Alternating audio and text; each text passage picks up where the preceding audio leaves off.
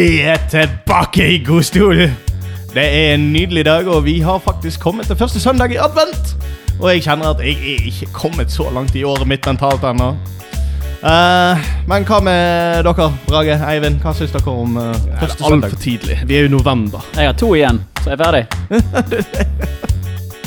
uh, vi tar tradisjonen først og sitter spretter en aldri liten Bompibjørn.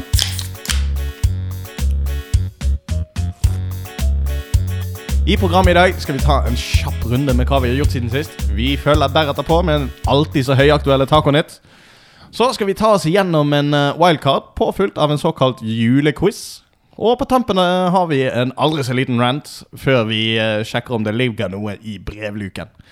Vi takker da etter hvert for oss med en anbefaling helt på tampen. Og med det så er det bare for meg å ønske velkommen til episode 19 av Tacokrydder. Mm. Dette, dette var godt. Merker vi følger et eh, sendeskjema. Altså, det har gått to, to, to uker siden sist. Det er på en måte det vi har eh, lovet, og vi er på plass. Vi er, vi er, vi, vi holder eh, Vi holder koken nå. vi, vi, vi må skjerpe oss litt, grann, og der, der har vi vært gode. Ja. Ja. Rett før jul, da setter vi inn støtet. Nå skal vi holde det rett ut.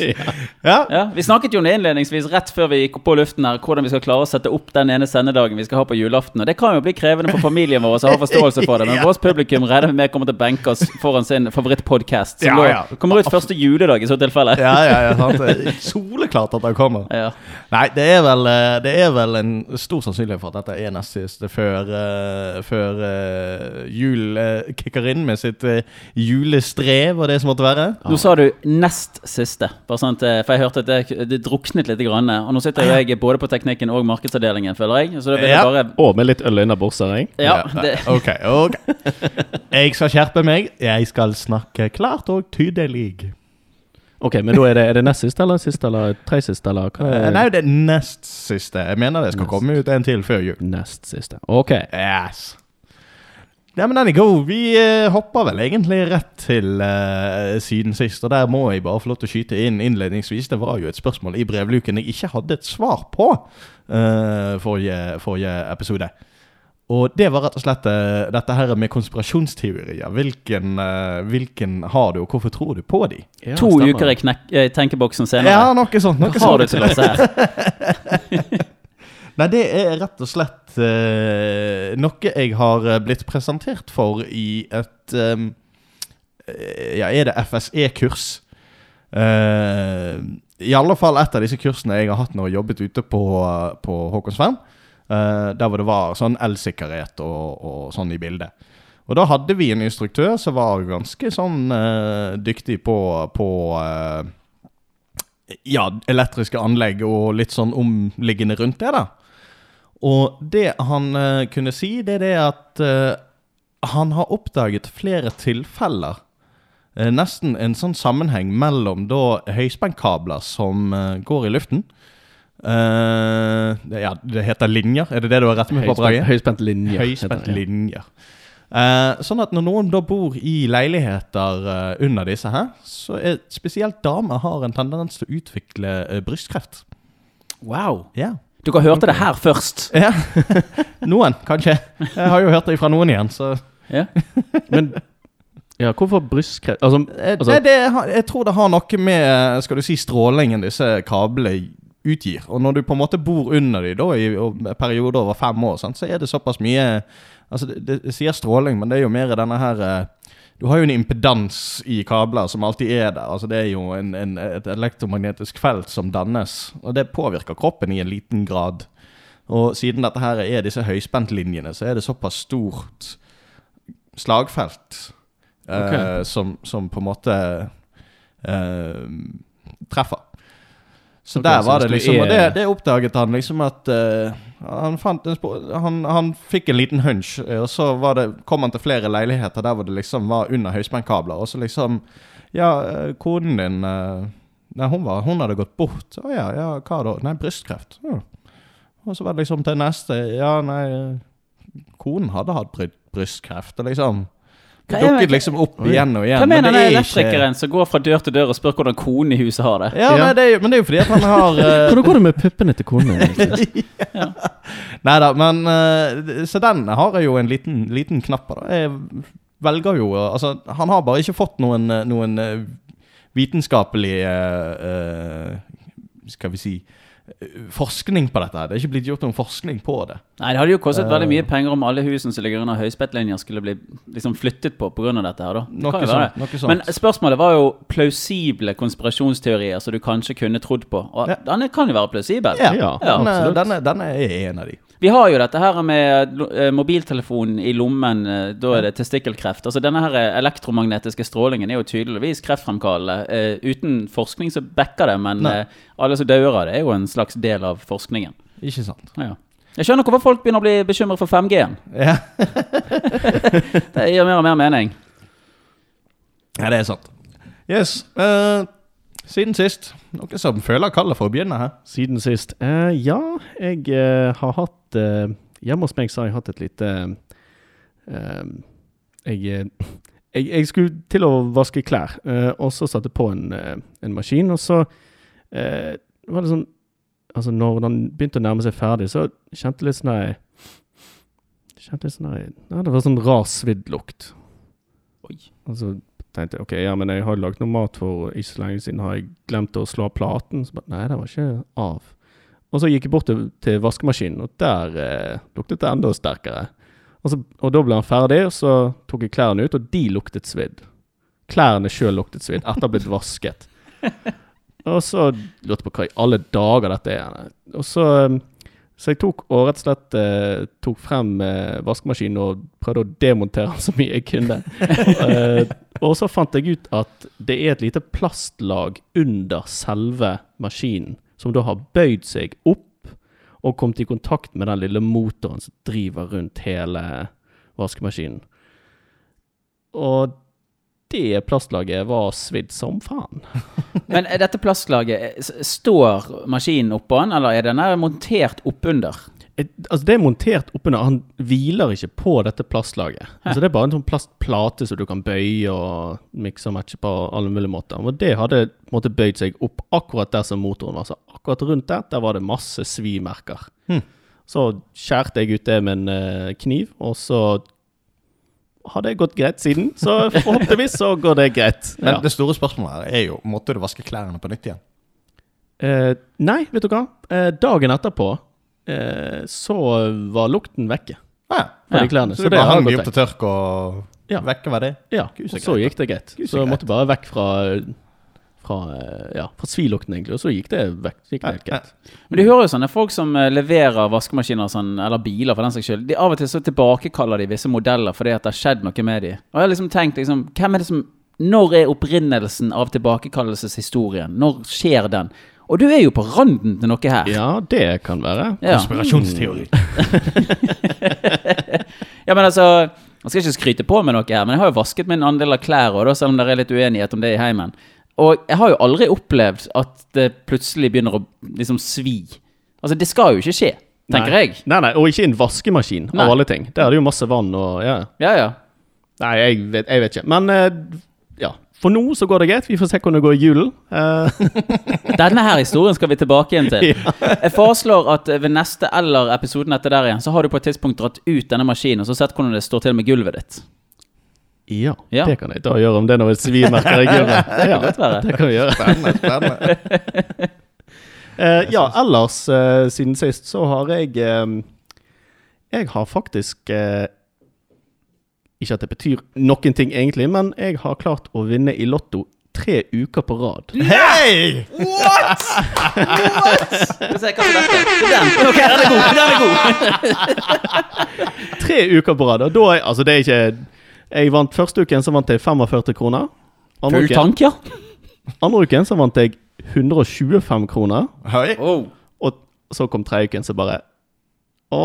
Men så vant jeg 45 kroner Ah. igjen. Ja, men det, det er Hvor mange ganger kan du spille lotto på dette, disse gevinstene her? Jeg tror de er allerede brukt opp, de pengene der. Så det Ja, Går du i null? Altså, Hva koster en kupong i dag? eh, Fem uker koster 250 kroner. Vent litt, Har du vunnet alt på samme kupongen? Eh, ja, det har jeg faktisk. Der er ikke ja, altså, Der er du god. Ja, det er Sjansen er mindre for det, ikke det? Nei, dette skal jeg ikke gå inn i. Det merker jeg Det, det blir vondt i hodet mitt med en gang. Ja, nei, men stilig. Det, det er ikke hver dag man vinner i Lotto. Jaggu har du ikke greid å vinne tre uker på rad. Ja, tre uker på rad. Så ja, det ble en ekstra brus eh, Ja, dagen. ja. Det var det. Jeg liker det. Sånne her gevinster vi får på disse her lottomaskinene, er en gjengående greie. Nå har vi vært dypt inn i eh, pantelotteriet allerede, Ja. og nå er vi på faktisk lotto. Ja. Ja, ja. Vi tre tar oss en tur til he- hesteveddeløpsbanen neste Ja, ja, ja. uke bare se hvordan vi Jeg vet ikke om den opererer, opererer lenger.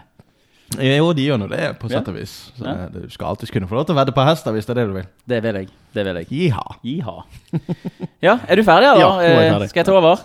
Yes. Ja, eh, siden sist ehm, Jeg har jo en sånn oppfølgingssak da, som jeg syns er litt grann artig. For det er Sist gang vi hadde en podkast, og nå må dere rette meg hvis jeg tar feil, her, men jeg mener å huske at da eh, la jeg frem en historie som hadde noe med en opptaksprøve som jeg var med på, for å spille da eh, Bagheera i teateret. Noe som jeg påståelig fucket opp. Men uh, jeg kan bare meddele at so far so good. so far, so good. Ja, Ja.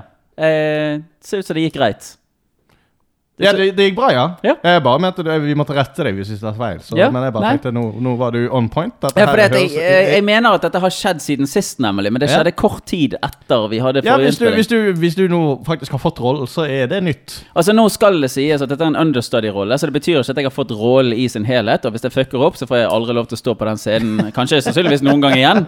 Men eh, jeg har fått det jeg var interessert i, og det er da rollen som eh, understudyen til Bagheera. Og understudy. Altså ikke, betyr- under, ikke understudien til Bagheera, men understudien til han som spiller Bagheera. Okay. Ja. En understudy det betyr det at eh, hvis det går til helvete med han, så kan jeg steppe inn.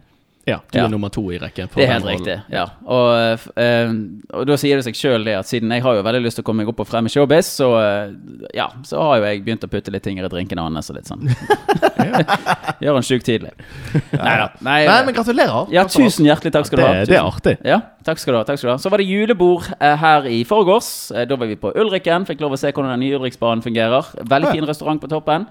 Jeg gir han, eh, gir han terningkast eh, fem, hele opplevelsen. Ganske bra, altså. Det, Ok. ja, relativt bra restaurantopplegg der oppe. Pinnekjøtt som vanlig. Stick meat på engelsk.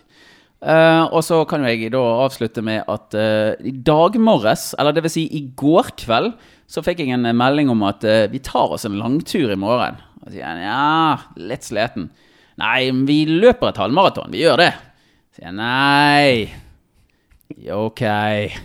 Så, så jeg var oppe Jeg var oppe klokken eh, ni i dag og var rett på eh, løpebane. Og tok meg et halvmaraton på morgenkvisten. Og jeg la merke til det når jeg løp der, at hvordan hvordan jeg på en måte Jeg vet ikke om jeg har endret meg, eller om det bare er liksom tilfellet som er akkurat der og da. Hvor mye jeg har hatet folk som driver og løper på søndag morgen. Og hvor mye jeg liksom tilgir folk for å hate meg akkurat nå. jeg hater jo meg sjøl òg. Det er jo ikke gøy. Og jeg som var litt sånn stilig, det har jo litt skjegg, og da hadde jo jeg sånn der Jeg hadde sånn frost i skjegget, sånn som du ser disse skiløperne har. Så Ja. sånn, på liksom, når du kommer i mål, så kan du liksom på en måte vise ved bildet at liksom Ja, nå er jeg hardt kjørt. Ja. Ja, men det er min siden sist, eh, ser jeg for meg. Nei, da eh, er det jo meg, da. Der har vi eh, Det har jo vært Black Friday. Og Black Week og gudene vet hva. Jeg har gått eh, innkjøp av én enkelt ting. Og Det er rett og slett uh, en ny uh, PC-skjerm. Det er en Samsung Geni, tror jeg han heter. Odyssey Geni, eller noe sånt. Så det er jo en sånn svær, sånn kurvet sak som uh, Ja. Den skal bli spennende å få i hus. Ok. Ja. Hvor stor eh, Hvor mange tommer er den? Du stiller spørsmål jeg ikke kan svare på, Brage. Ok. ja, du har jo kjøpt dette, håper Ja, jeg. ja, ja, ja. Er det HDMI-inngang på en, tror du? Eller? ja, det, Ja. det er faktisk én. Ja? Og sånn to DVI-er og tre sånn eh, Nei, tre DVI-er og hva er det den der eh, store hvite pluggen heter, som uh, gir bedre bilde enn HDMI, men uh, Trodde det var den som het DVI, jeg. Jeg tror det hva, hva, hva er den som ser ut som HDMI, da? Og det er sånn der Play Nei, hva heter det? Playport? Nei. Jeg husker ikke hva den Ja, heter. eh, eh, det er den eh, DisplayPort. Displayport. ja, okay. ja. ja, da har han tre DisplayPort og to sånne DVI-innganger. Og så én HDMI bare. Ok. Ja. ja. Eh, Ut ifra det jeg husker, i alle fall. Er dette noe du har bestilt på nettet? Det er helt rett. Så vi ser det kanskje en gang i 2023, da? Ja, kanskje. Håper Så din, litt eh, din historie med å kjøpe fra- datakomponenter på nettet har jo aldri vært solid. Det har ikke vært spesielt Nei. kult. Neida, Nei, uh, antagelig 15. da. Ja, ok. Ja. Eh, Ut ifra eh, det de sier, Ja, da tror jeg de skulle få han inn på lageret sitt, eller noe sånt, og så skulle han bli sendt til meg etter det. Så. Men du kjøper ting på Black eh, Week eller Black Friday eller hva det nå er. Ikke sånn i denne industrien at de har en sånn Cyber Monday. Det er meget mulig. Er det mulig at den da går ned 40% i tillegg? Mm, det tviler jeg litt på. Ja. Uh, nå var det jo sånn at når jeg var inne og så på den, og det skal sies, jeg gjorde jo litt research, som seg hør og bør, med disse Black Friday-greiene, fordi at det er mye humbug ute og går. Uh, men jeg pleier eh, å, å sitte og lese litt på tech.no. Der uh, har de òg en liste over uh, Black Friday-tilbud, eller Black Week-tilbud, dag for dag. Så de mener liksom er gode kjøp, da. Og da tenker jeg, da har de jo gjort litt, litt av hjemmeleksen sin med å liksom Har prisene gått opp eller ned sånn i forkant? Eh, Er det faktisk et tilbud i forhold til hva prisen normalt ligger på? Yeah. Og den kan du òg for så vidt dobbeltsjekke sjøl, noe jeg for så vidt gjorde. Den lå eh, normalt til 12 000 kroner eh, omtrent hele veien, utenom nesten etter lansering, hvor den da kostet 15 Ok. Gratulerer Så- med ny skjerm, da. Jo, takk, takk. Ja, Det blir bare spennende å se når den kommer i hus. ja. Eh, og så har jeg òg vært på en joggetur. What?! Ja, det er jo det, Jeg måtte rett og slett på butikken, men så hadde jeg, jo, hadde jeg jo ånden over meg om at jeg faktisk hadde lyst til å jogge litt. Grann. Uh, så vi tok det inn én gang. Uh, dette her var da på uh, Var det i går? Lørdag? Jeg tror det var i går. Og da var det Da, da har jo gradestokken så vidt begynt å krype ned under minuspunktet. Og akkurat når jeg skulle ut og løpe, så var det sånn én minusgrad, så jeg var litt usikker på hvor, hvor mye jeg skulle ha på meg, og hvor mye var nok. Så jeg tok på meg en sånn her uh, superundertøy stillongssakk, og så hever på en shorts og, og en sånn jogge-T-skjorte, langarmet T-skjorte-greie som jeg har. Og det var det. Stukket sekken og løp Ja. rett og slett ifra meg ned til, eh, til en sånt lite vann som jeg har løpt rundt noen ganger nå. Eh, og løp en runde rundt det, og bort til butikken i en engang. Så der var jeg faktisk veldig fornøyd med meg sjøl. Jeg hadde ikke trodd at jeg skulle klare å ta det i en engang. Er du andpusten når du kommer til kassen? Vel, eh, jeg eh, roet ned litt sånn før at jeg fikk litt pusten igjen når jeg kom inn i butikken. da Ja. Så jeg slapp å gå der inn og puste og pese. Ja. Eh, der kjente jeg for øvrig på at jeg hadde glemt å ta med meg sånn munnbind. Selvfølgelig Med litt sånn uglesett av alle mulige folk. ja, for det er tilbake. Ja, Ja. dessverre. ja. Men eh, ja. Kan, jeg, kan, Eh, jeg, kan jeg skyte inn, eh, for det høres ut som du er på vei til å gå videre til neste seksjon her. Det er riktig. Men det er bare fordi jeg synes det er litt interessant. Nå sier du at minusgraden har begynt å krype seg. Blir det oppover hvis vi allerede har nevnt at det er minusgrader? Eller er det fortsatt nedover? Han, sa jo gradstokken har begynt å krype ned mot minus. Ja, ok, så nå har jo, I dag har jo gradstokken begynt å krype langt ned på minus. Vi har Ja. opplevd minus seks i dag. Oi. Ja, og eh, jeg kom her Ja, vi har jo ikke nevnt det. I dag er det lille studio det er jo nede i Casa del Brage. Det er for øvrig et Yes. godt poeng. Ja, det kan vi godt, eh, for vi må jo skildre litt, sånn at folk eh, sitter her med oss. Ja, ja. Um, men for å komme meg ned hertil, så har har jo jeg tatt med meg dette lille studio. Det er jo en 40 kilos eh, sekk pluss eh, PC i en eh, PC-veske. Eh, og jeg er veldig glad for at eh, eh, norsk stat har gått imot, men noen har valgt å levere disse her sparkesyklene, som da er kreftfremkallende eller elektriske, eller hva du vil. Um, og jeg hoppet meg på en sånn, og uten å egentlig tenke over hva effekt har eh, kuldegrader på disse her. Og det første jeg oppdaget, som er en effekt som er umiddelbar, det er det at eh, den eh, gasspedalen, eller den lille som du skyver på, den låser seg. Så hvis du da kjører opp gassen, så står den bånn bånn gass. Og hvis du i tillegg gjør det sjakktrekket og tar på deg votter framfor hansker, så sliter du faktisk veldig med å komme til den gasspedalen. Så Eh, gasspedal fryser fast. Gasspedalen fryser fast, og den er enten på eller av.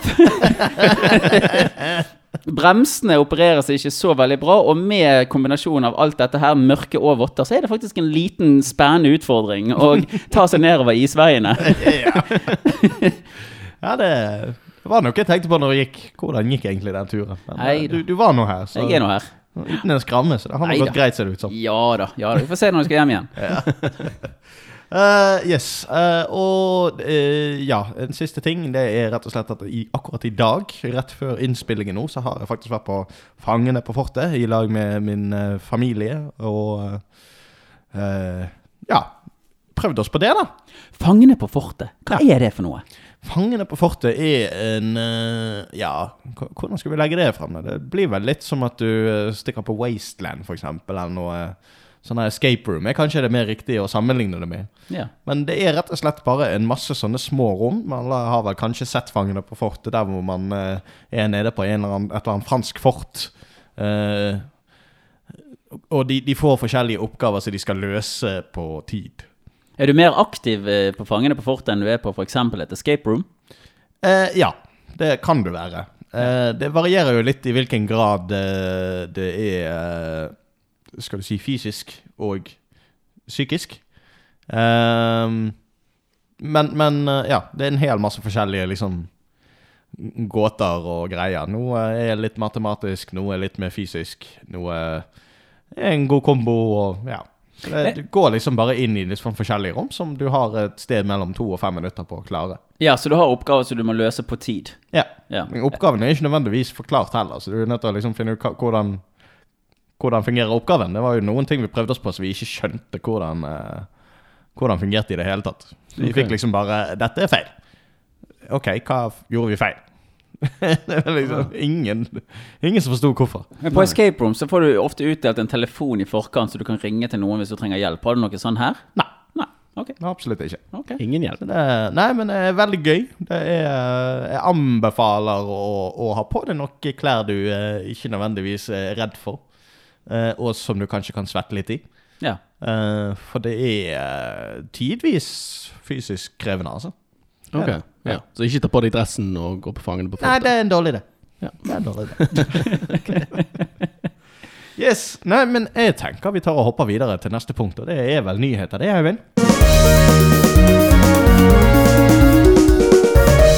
Stemmer det, Joakim. Det er nyheter, det. Og her er jo en ny utgave av Taconytt, levert på gamlemåten. Uh, første saken her, den er litt lang, men vi skal klare å komme oss gjennom den. Det handler jo selvfølgelig om eh, Blant de tingene som har skjedd de siste to ukene, så er det Kyle Rittenhouse, 18-åringen, som skjøt og drepte to menn i Kenosha i Wisconsin i fjor. Sier han ikke er rasist, og at han støtter Black Lives Matter-bevegelsen. Og Vi får bare geleide folk gjennom hva denne saken dreier seg om, så godt som vi overhodet kan. Rittenhouse ble i forrige uke frikjent på alle punkter etter at han skjøt og drepte to menn og såret en tredje i forbindelse med protester mot en svart mann som var skutt og såret av politiet. Jeg er ikke rasist. Jeg er ikke en rasistisk person. Jeg støtter BLM-bevegelsen og støtter fredelige demonstrasjoner, sier Rittenhouse i en sekvens fra intervjuet. Juryen kom frem til at Rittenhouse, som da var 17 år, handlet i selvforsvar. Alle ofrene var hvite. De deltok i demonstrasjonen mot politivold mot svarte og forsøkte å ta våpenet fra Rittenhouse. Før rettssaken ble Rittenhouse fotografert i en bar sammen med det som ser ut til å være medlemmer av den høyreekstreme gruppen Proud Boys. Men forsvareren hans har argumentert for at han ikke tilhører hvit maktbevegelsen. Aktoratet argumenterer under saken for at Rittenhouse var en wannabe-soldat, og at han var på jakt etter bråk. Han hadde reist over tre mil og utstyrt seg selv med et halvautomatisk våpen for å slutte seg til andre som mente de måtte beskytte eiendommer mot hærverk under opptøyene. Joakim, er helautomatisk våpen en vei å gå for å beskytte eiendom mot hærverk under et opptøy du deltar i? Det er én vei å gå. Jeg ville kanskje anbefalt C4 istedenfor. Det kan godt være. Det kan godt være. Det er godt valg. Vi går videre. My friends, all my friends are dead. All my friends are dead. Du har levet under en stein hvis ikke du har fått med deg den neste saken her. Hank von Helvete er funnet død.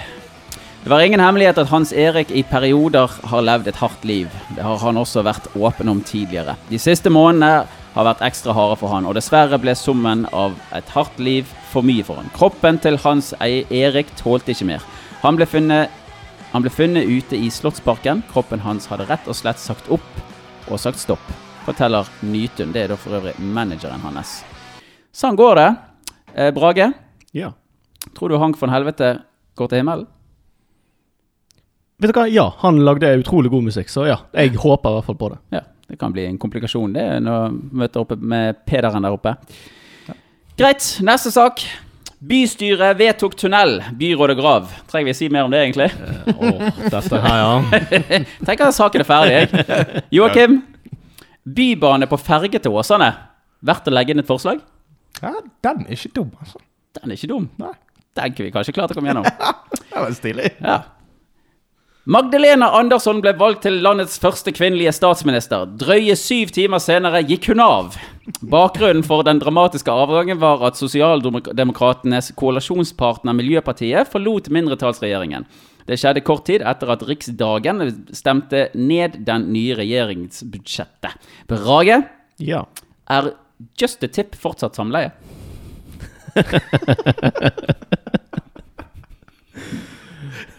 Nei, det er bare tippet. Det er bare tippen. Forklarer ræva-Bart. McGrath var i stor form da han tok sin første pallplass i verdenscupen i storslalåmrennet i Alta Badia i fjor. To uker senere smalt det i Adelboden. McGrath kjørte i nettet, og det ble nesten ett år på sidelinjen med en kneskade for alpinisten. Jeg var i skyene! Så gikk det to uker, og så trynte jeg sykt hardt og røk på min første sesong med skade. Det var hardt å svelle, sier McGrath til NRK. Det tøffe året fikk 21-åringen til å tenke mye. Unggutten beskriver de siste månedene som ekstremt tøffe mentalt, og har i anledningen kampanjert Movember grodd ut barten med ett mål for øyet. Mer fokus på menns mentale helse. Selv om barten min er ræva, så liker jeg å gro den ut. Det er Movember gjør en eh, Det Movember gjør, er utrolig viktig. Barten setter lys på det, på det mentalt med helse, og at vi gutter må snakke sammen mer, sier McGrath. Brage. Ja. Burde vi ha en støttegruppe for folk som har lyst til å delta i en støttegruppe de ikke har skjeggvekst nok til å ta del i? Dette høres ut som en uh, sketsj fra uh, Bård Tufte Johansen og Harald Eia. Uh, ja, absolutt. Men en Facebook-gruppe. Ja. Det- ja. Det holder, det. Mm. Gammel pære Gammel pærenytt. For det var agurknytt, sant? ok, ja. Um, takk for meg.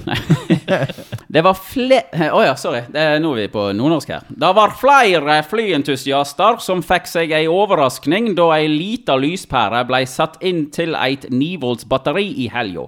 Pæra er, er av ei Pæra er av ei flere smådeler etter et tysk krigsfly som har ligget på havbunnen i 70 år. Ingen hadde trodd at hun skulle fungere. Det har vært stor overraskning. Pæra så ganske heil ut, men sokkel var løs. Pæra ble rengjort og festa til sokkel. Så fungerer hun, sier Egil Endersen, som er styreleder i venneforeningen til Flyhistorisk museum på Sola. Joakim? Burde lyspæreprodusenter begynt å reklamere med antall år de overlever i vrak på havbunnen? Litt, litt sånn som klokka gjør i dag? Ja, jeg føler det er veldig god reklame. Jeg, altså. Ja, det Når du trenger 9 volts batteri har det for øvrig ikke fungert der nede. Nei, Det vet jeg svært lite om. Jeg Det kan vi kanskje forske på. Jeg har ikke testet med så mange pærer. Og så har vi en siste her på tampen som ble levert nå rett før vi gikk inn her, så nå får vi ha meg unnskyldt for at jeg ikke har forberedt meg til dette her, og det leses på engelsk, men det er så i god tro med denne podcasten. ESS astronauts have taco night with peppers grown on board the space station.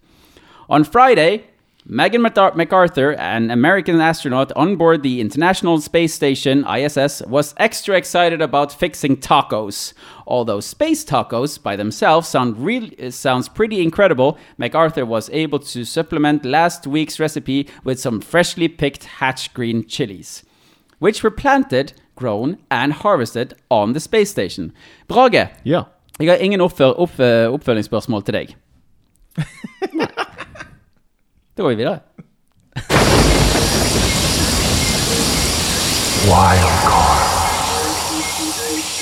Jeg har påtatt meg eh, wildcard-spalten eh, denne gang igjen. Og eh, akkurat nå så skal vi rett og slett legge frem en fasit som har vært et spørsmål siden tidenes morgen her i Norge. Det er et viktig, viktig tema. Med meg har jeg tatt, og nå skal jeg bare bevege meg litt vekk fra mikrofonen her. Og det klirrer, og Oi, han satte deg på bordet her. Fire rusbrus. Jeg hadde strengt tatt med meg tre, eh, og dette er da det supplementet vi har på søndagsåpne butikker. Så ikke nødvendigvis det folk mener er representativt. Så dette er jo da altså julebrussmak eh, Det heter ikke konkurranse. Smaking. Smaktesten. Julebrussmaktesten med den faktiske fasiten eh, på fire forskjellige julebrus vi skal klare å kjempe oss igjennom her. Og vi kan eh, bare begynne med Oi. God smell. Jeg vet ikke om det skal få lov til å være en del av det. Vi kan begynne med julebrus fra Hamar. Denne har jo en litt sånn ekkel grønn farge. Hvis du Joakim, har lyst til å begynne å helle litt oppi disse fire glassene vi har satt foran oss her, og så trenger ikke du ta så altfor mye oppi dem, for vi skal, vi skal bare smake på dem. eh, Hvorfor fire glass? Nei, Det er et godt spørsmål. Det er et mattestykke som jeg leverte til Brage, som var for øvrig feil. Og der eh, kan jeg eh, få lov å Så det fjerde glasset er egentlig ikke viktig. Det er akkurat Vi har jo fire julebrus her. Ja, nei, men Det har ingenting å si. For vi skal drikke fra samme glasset. Ja, ok. Ja, Men men eh, vi får bare begynne å helle, så skal, vi, skal ikke vi strekke dette ut. Det er det helt sikkert godt nok. Eh, Det vi ser på nå, det er jo da Hamar sin julebrus med litt sånn tøysete logo og tegninger på seg. Og har den utradisjonelle fargen som vi ikke har gjort oss veldig vant til her i Bergen, som er litt mer sånn brunaktig. Men her er ikke vi i utgangspunktet ute etter å dømme etter farge, vi er ute etter å dømme etter smak. Så her kan alle sammen ta seg en liten slurk, fortelle, skildre litt hva dere smaker, og så skal vi da gi det en terningkast etterpå. Så hva syns dere? Hva er lukten du, eh, dere plukker opp her? Eh, Det er, det er sånn eh, Hva er det heter? Sånn, eh, sånn fruktdrikke eller noe. Ja. Champagne. Mm. Ja, ja, det er litt sånn der kjampis-brus. Ja, det er absolutt det.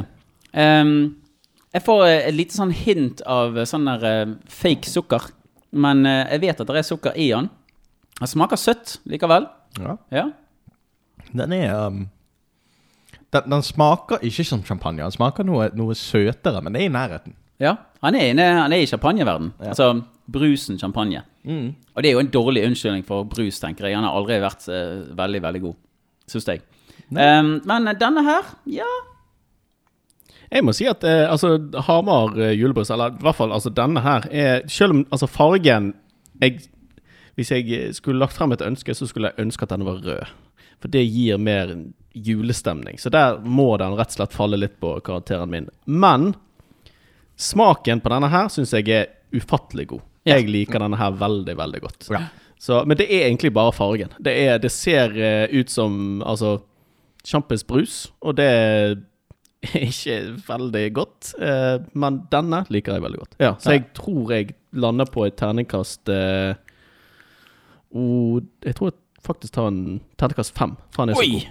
Oi, oi, oi. Ja. Oi sann. Det beklager. Der, er- disse tallene som jeg trykker på nå, de, er- de er mappet opp på noe mot andre, ting. Så.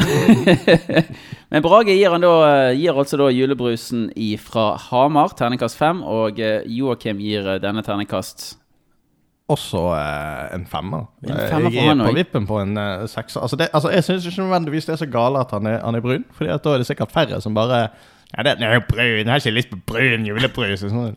Flott, det. Mer til meg. Men jeg tror faktisk jeg ikke drakk julebrus i fjor. Rett og slett fordi at akkurat denne typen var utsolgt når jeg var klar for å drikke julebrus. Jaggu, så du kjenner til den her fra før av, du? Yes. Ja, ok. Det er mange år siden vi hadde meg og Brage har jobbet på Mediatrykk, og uh, der hadde vi en kar som uh, Ja, hvor var det han var fra? Sånn Lillestrøm eller noe? Ja, noe, noe Og, sånt, ja. og uh, han sa det så greit sånn Julebrusen fra Fra Hamar. Det er den som gjelder. Han var sikker i sin sak. Ja, han var sikker i sin sak, og det verste er jo det at han hadde jo rett. Ja. Så det Jeg er, jeg er veldig enig med mye av det dere sier. Jeg syns den smaker uh, veldig godt. Jeg syns det er en veldig god julebrus. Jeg kan drikke en uh, flaske med den uten problemer. Jeg syns den, er- jeg synes den leverer. Men jeg, jeg syns det er stygt å si det, men fargen trekker faktisk veldig ned hos meg. Veldig ned. Okay. Veldig ned. Så for meg så havner han faktisk på en firer. Nå skal vi over på Hansa, litt grann mer lokalt brygg.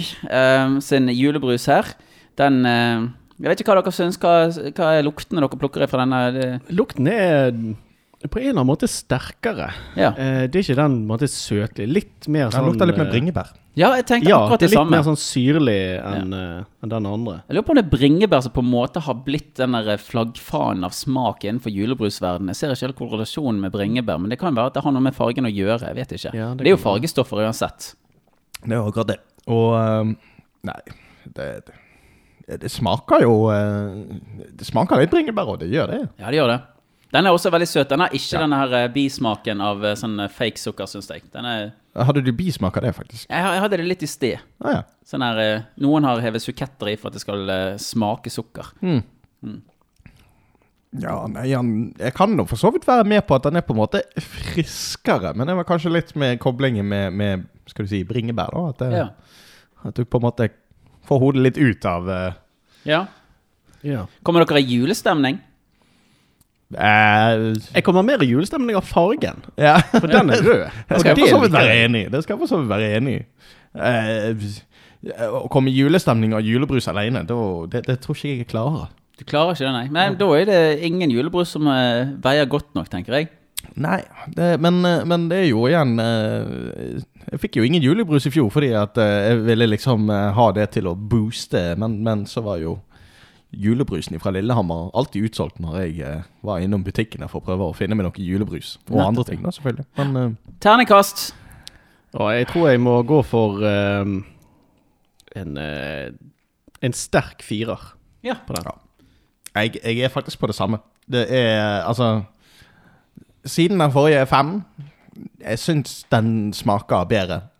Det, det gjør jeg. Uh, så ja, fire fra meg òg på denne her. Det er meget close. Jeg vet ikke om det har noe med patrioten i meg å gjøre, men eh, jeg syns på en måte smaken her leverte like bra som den forrige. Eh, Denne hadde et snev mer jul i seg, men det er fordi at jeg tror jeg forbinder julebrusen med den bringebærsmaken. Og eh, jeg ender rett og slett opp da med både farge og smak. Jeg havner på en femmer.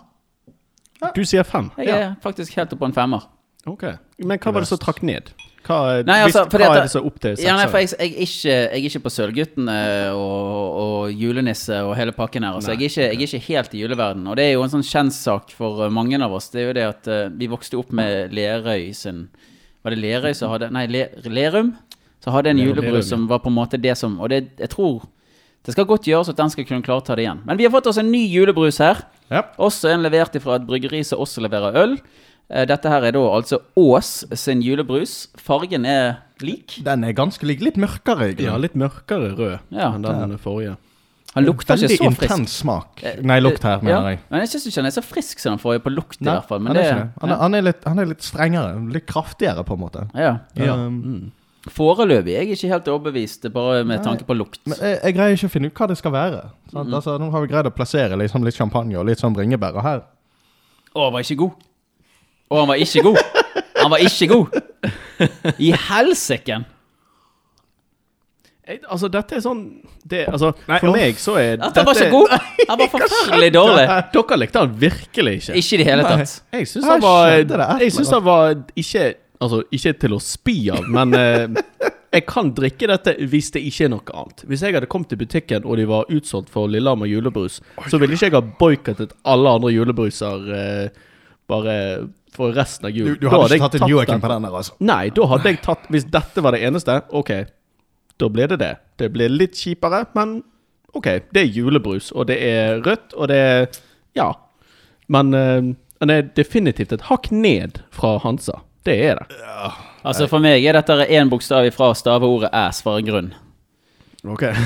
Nei, jeg, jeg, jeg, jeg tror vi jeg, jeg tror man er på sånne toer eller noe sånt. Du er på to. Ja. Ja, jeg òg er på en toer. Oi, faen. Sorry, beklager. Beklager. beklager.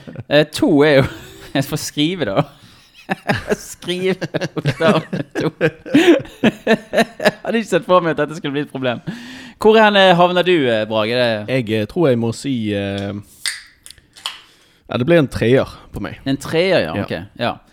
Ja, Man strekker ikke helt opp til toppen eh, til tross for eh, litt halvfine ord. Men det var, du pyntet jo ikke så altfor mye til. Det gjorde du ikke. Det gjorde du ikke. Da er vi vel kommet til den siste julebrusen vi skal teste. Den, kom jo, den ble jo levert når jeg eh, kom ned her i huset til Brage. Så hadde han en uh, liten skarp en liggende. Um, jeg eh, har jo bare tatt med meg uh, julebrus på glass. Um, men her kommer det da altså en på boks. Og den har uh, et veldig preg av Bergen. Bryggen er der, Beffen er der, Statsråd Lehmkuhl er der. Både Fløibanen og Ulriken representert, og julenissen med tre reinsdyr flyr da over disse syv fjellene våre. Safte Suse julebrus, eh, levert fra familien Osberg. ja, ja. Men det er jo Så- merkesaftsuset. Hæ? Merket er jo Saftsuset. Merket Saftsuset. Ja. Det er riktig. Men det var jo greit å vite at Osberg eh, sitter nå hjemme her og durer i gang. Eh, Den, jeg må bare si det, den julebrusen der så jeg på Rema 1000, og så bare Hva i alle dager er dette for noe? Dette, dette må jeg prøve. Dette kan enten være en hyggelig overraskelse, eller det kan være noe som vi ler av. Og Ja. at dette var jo helt elendig. Så vi Men- får se. Jeg må, jo, jeg må jo spørre, har noen av dere vært borti i Saftsuset Saft? nei. Nei, det har jo aldri Nei. vært. Nei, De har jo en sånn her rød eh, bringebærsaft eller noe sånt. Jeg tror de har kommet med litt flere òg. Men, eh, men jeg har vært borti denne saften. Og litt på den lukten her, så syns jeg jeg kjenner den saften igjen der, altså. Kan det hende de bare har slengt bobler i saften? Det, det lurer jeg litt på. Det kan hende. Ja. Det skal bli spennende å se når vi smaker. Det, det lukter iallfall igjen eh, litt bringebær. Litt som eh, Hansa her. Um, Det, jeg, det jeg merker på lukten her, er og så lukter han litt sånn rød saft. Han gjør det. ja, men jeg syns også han lukter litt sånn som Lærum-julebrusen en gang eh, var. jeg Så jeg, nå er jeg veldig spent om det dette skal dra det, dra det helt hjem for meg. Ok. Ja, men nå, nå er vi Jeg Forstår det rett at Lærum-julebrusen er ikke lenger å få tak i? Den uh, tror jeg enten har gått ut av sortimentet, eller så har de endret navn, eller jeg vet ikke. Jeg har faktisk ikke sett dem på en stund. Nei. Men hva syns dere om smaken? Jeg eh, syns uh, dette burde gått ut av sortimentet, for dette var jævlig dårlig. dette var ikke godt. Det var en sånn bitter ettersmak, syns jeg, som Ja, det, ikke det var skjer god. et eller annet å gjøre det. Men jeg syns fortsatt det er et hakk opp fra Ås. Det gjør jeg. Mm. Jeg sier det er så vidt. Men det er opp fra Ås. Det er jeg, eh, det er jeg helt enig i. Han er, han er Men altså, oss. akkurat idet jeg får han i kjeften, så syns jeg kjenner den der saftsmaken. Sånn akkurat jeg får han i kjeften. Da, da er han frisk og fin, og så kommer den der ettersmaken som ligger Ja, det ødelegger. Det er ja, sånn ja, det gjør det. Akkurat når du får han i kjeften, så er han ganske god. Mhm. Og da er- minner han litt om den der rødsaften. Close til Hansa sin, eh, sin julebrus. Så kommer det en sånn snikende liten luring. Og eh, ja. Nei, jeg, jeg hiver den her på en treer. Du gir den på treer. Ja. Brage? Jeg eh, må si det var Nei, den får eh, stryk for meg. Den får stryk? ja, jeg eh, Da får han Det én. er mer i glasset, men jeg, jeg drikker det ikke opp. Nå, eh, Oi, nå det er såpass og ja. øl, Det der var ikke godt. Da kan vi annonsere fasiten på vinneren av årets julebrus. Den, så hvis dere skal ut og kjøpe julebrus for å gjøre folk glad, og dere skal kjøpe den ene som er riktig, den som er rett, den som smaker best av alle, i hvert fall de som du får kjøpt på søndagsbutikker, så havner vi da altså på Hamar sin julebrus.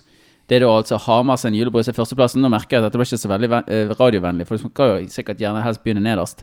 Men Hamar stikker av med seieren på en, eh, med terningkast 5, 5, 4.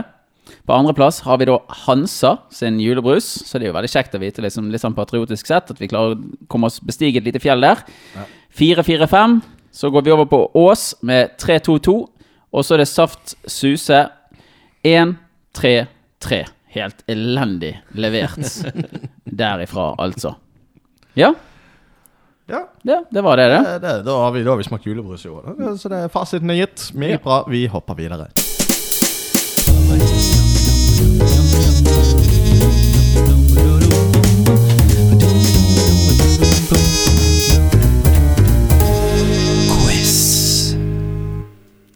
Er det quiz? Yes, i dag er det quiz, og den er levert av intet ringere enn meg. Deres gode vert Joakim. Nå har jeg fått låne en aldri så liten pad av Brage her for å eh, greie å lese opp alt dette her. Eh, det skal sies at quizen i dag er òg blandet med en god del historie. Eh, så det kommer til å være litt sånn eh, fakta som eh, jeg ikke har greid å liksom jeg, jeg, jeg, Det har vært litt sånn et, et, Hvordan skal du lage spørsmål av det? Og så igjen Hvordan eh, på en måte få informasjonen sånn at Altså, kan, kan dere dette her i utgangspunktet? Så jeg vet ikke, jeg tror det kan være litt vanskelig, jeg tror det kan være litt lett. Eh, så det blir litt spennende å se hvordan, eh, hvordan dere svarer på disse spørsmålene her. altså. Hvilken Jeg, eh, Har det at jeg har studert historie, gjør det, kan det gjøre noe Det kan hende, men det, hvis jeg har forstått sånn som du har studert historie, så tror ikke du har vært så veldig mye innom jul eh, og den Nei, det, jeg har ikke Nei, julehistorie. Jeg har ikke, Nei. spesialisert meg i det hele tatt. Er sant. en, eh, en annen, Det er den klassen du ikke gikk i? Ja. Du tok noen andre timer, ja. Så det det, det jeg har brukt som kilder, det er hovedsakelig Store norske leksikon, men jeg har også hentet litt fra Wikipedia. Vent litt. Ja. Boken Store norske leksikon? Jeg er på nett. Har du vært på nettet, ja? Yes, yes, Ok, yes, yes. ja. Så det, og sånn som vi gjør det eh, Jeg tenker eh, når spørsmålet kommer, så la, får dere begge svare eh, før vi avgir en fasit. Eh, poeng vil bli tildelt etter eh, evne, kan vi vel kanskje si. Etter evne og kjønn Ok. Ja, ja, ja. og lyst. Ok, Forsøk, Så eh, altså Plausibelt forsøk på riktig svar er ikke noe søtt heller. Nei, jeg tenker jo eh, da, da er det jevnt og godt for eh, alle parter. Og så får vi se litt hvordan dette her går, men jeg tror vi alle skal få noe ut av det i forhold til eh, det som dukker opp av eh, historie. Det er noe sånn det at jeg hadde Jeg tenkte jo en julequiz burde jo være innafor nå første søndagen i advent. og eh, den eh, utviklet seg egentlig til å bli mer om, om jul før det ble jul som vi kjenner i dag, før den kristelige eh, skal vi si julingen. Så det er jo snakk om Ok, Eh, ja, så det er faktisk den jul. norrøne julegreien vi går for her. Ja. Så det, det kan hende det blir veldig vanskelig. Jeg lærte ganske mye om dette her når jeg holdt på eh, å skrive denne her quizen. ikke det egentlig et ganske dårlig utgangspunkt for oss? Eh, er- ja, kanskje. kanskje. Altså, noe, noe visste jeg, men det var liksom mange detaljer rundt som var litt interessant som jeg ikke var så klar over. Ja. Så jeg håper jeg bare greier å gjengi det etter beste, etter beste evne her. Jeg har lest litt grann på en sånn label på en mjød. Det er det jeg kan. Ja. okay. Vi får se. Vi begynner nå eh, raskt med første spørsmålet, som er veldig eh, kort og greit.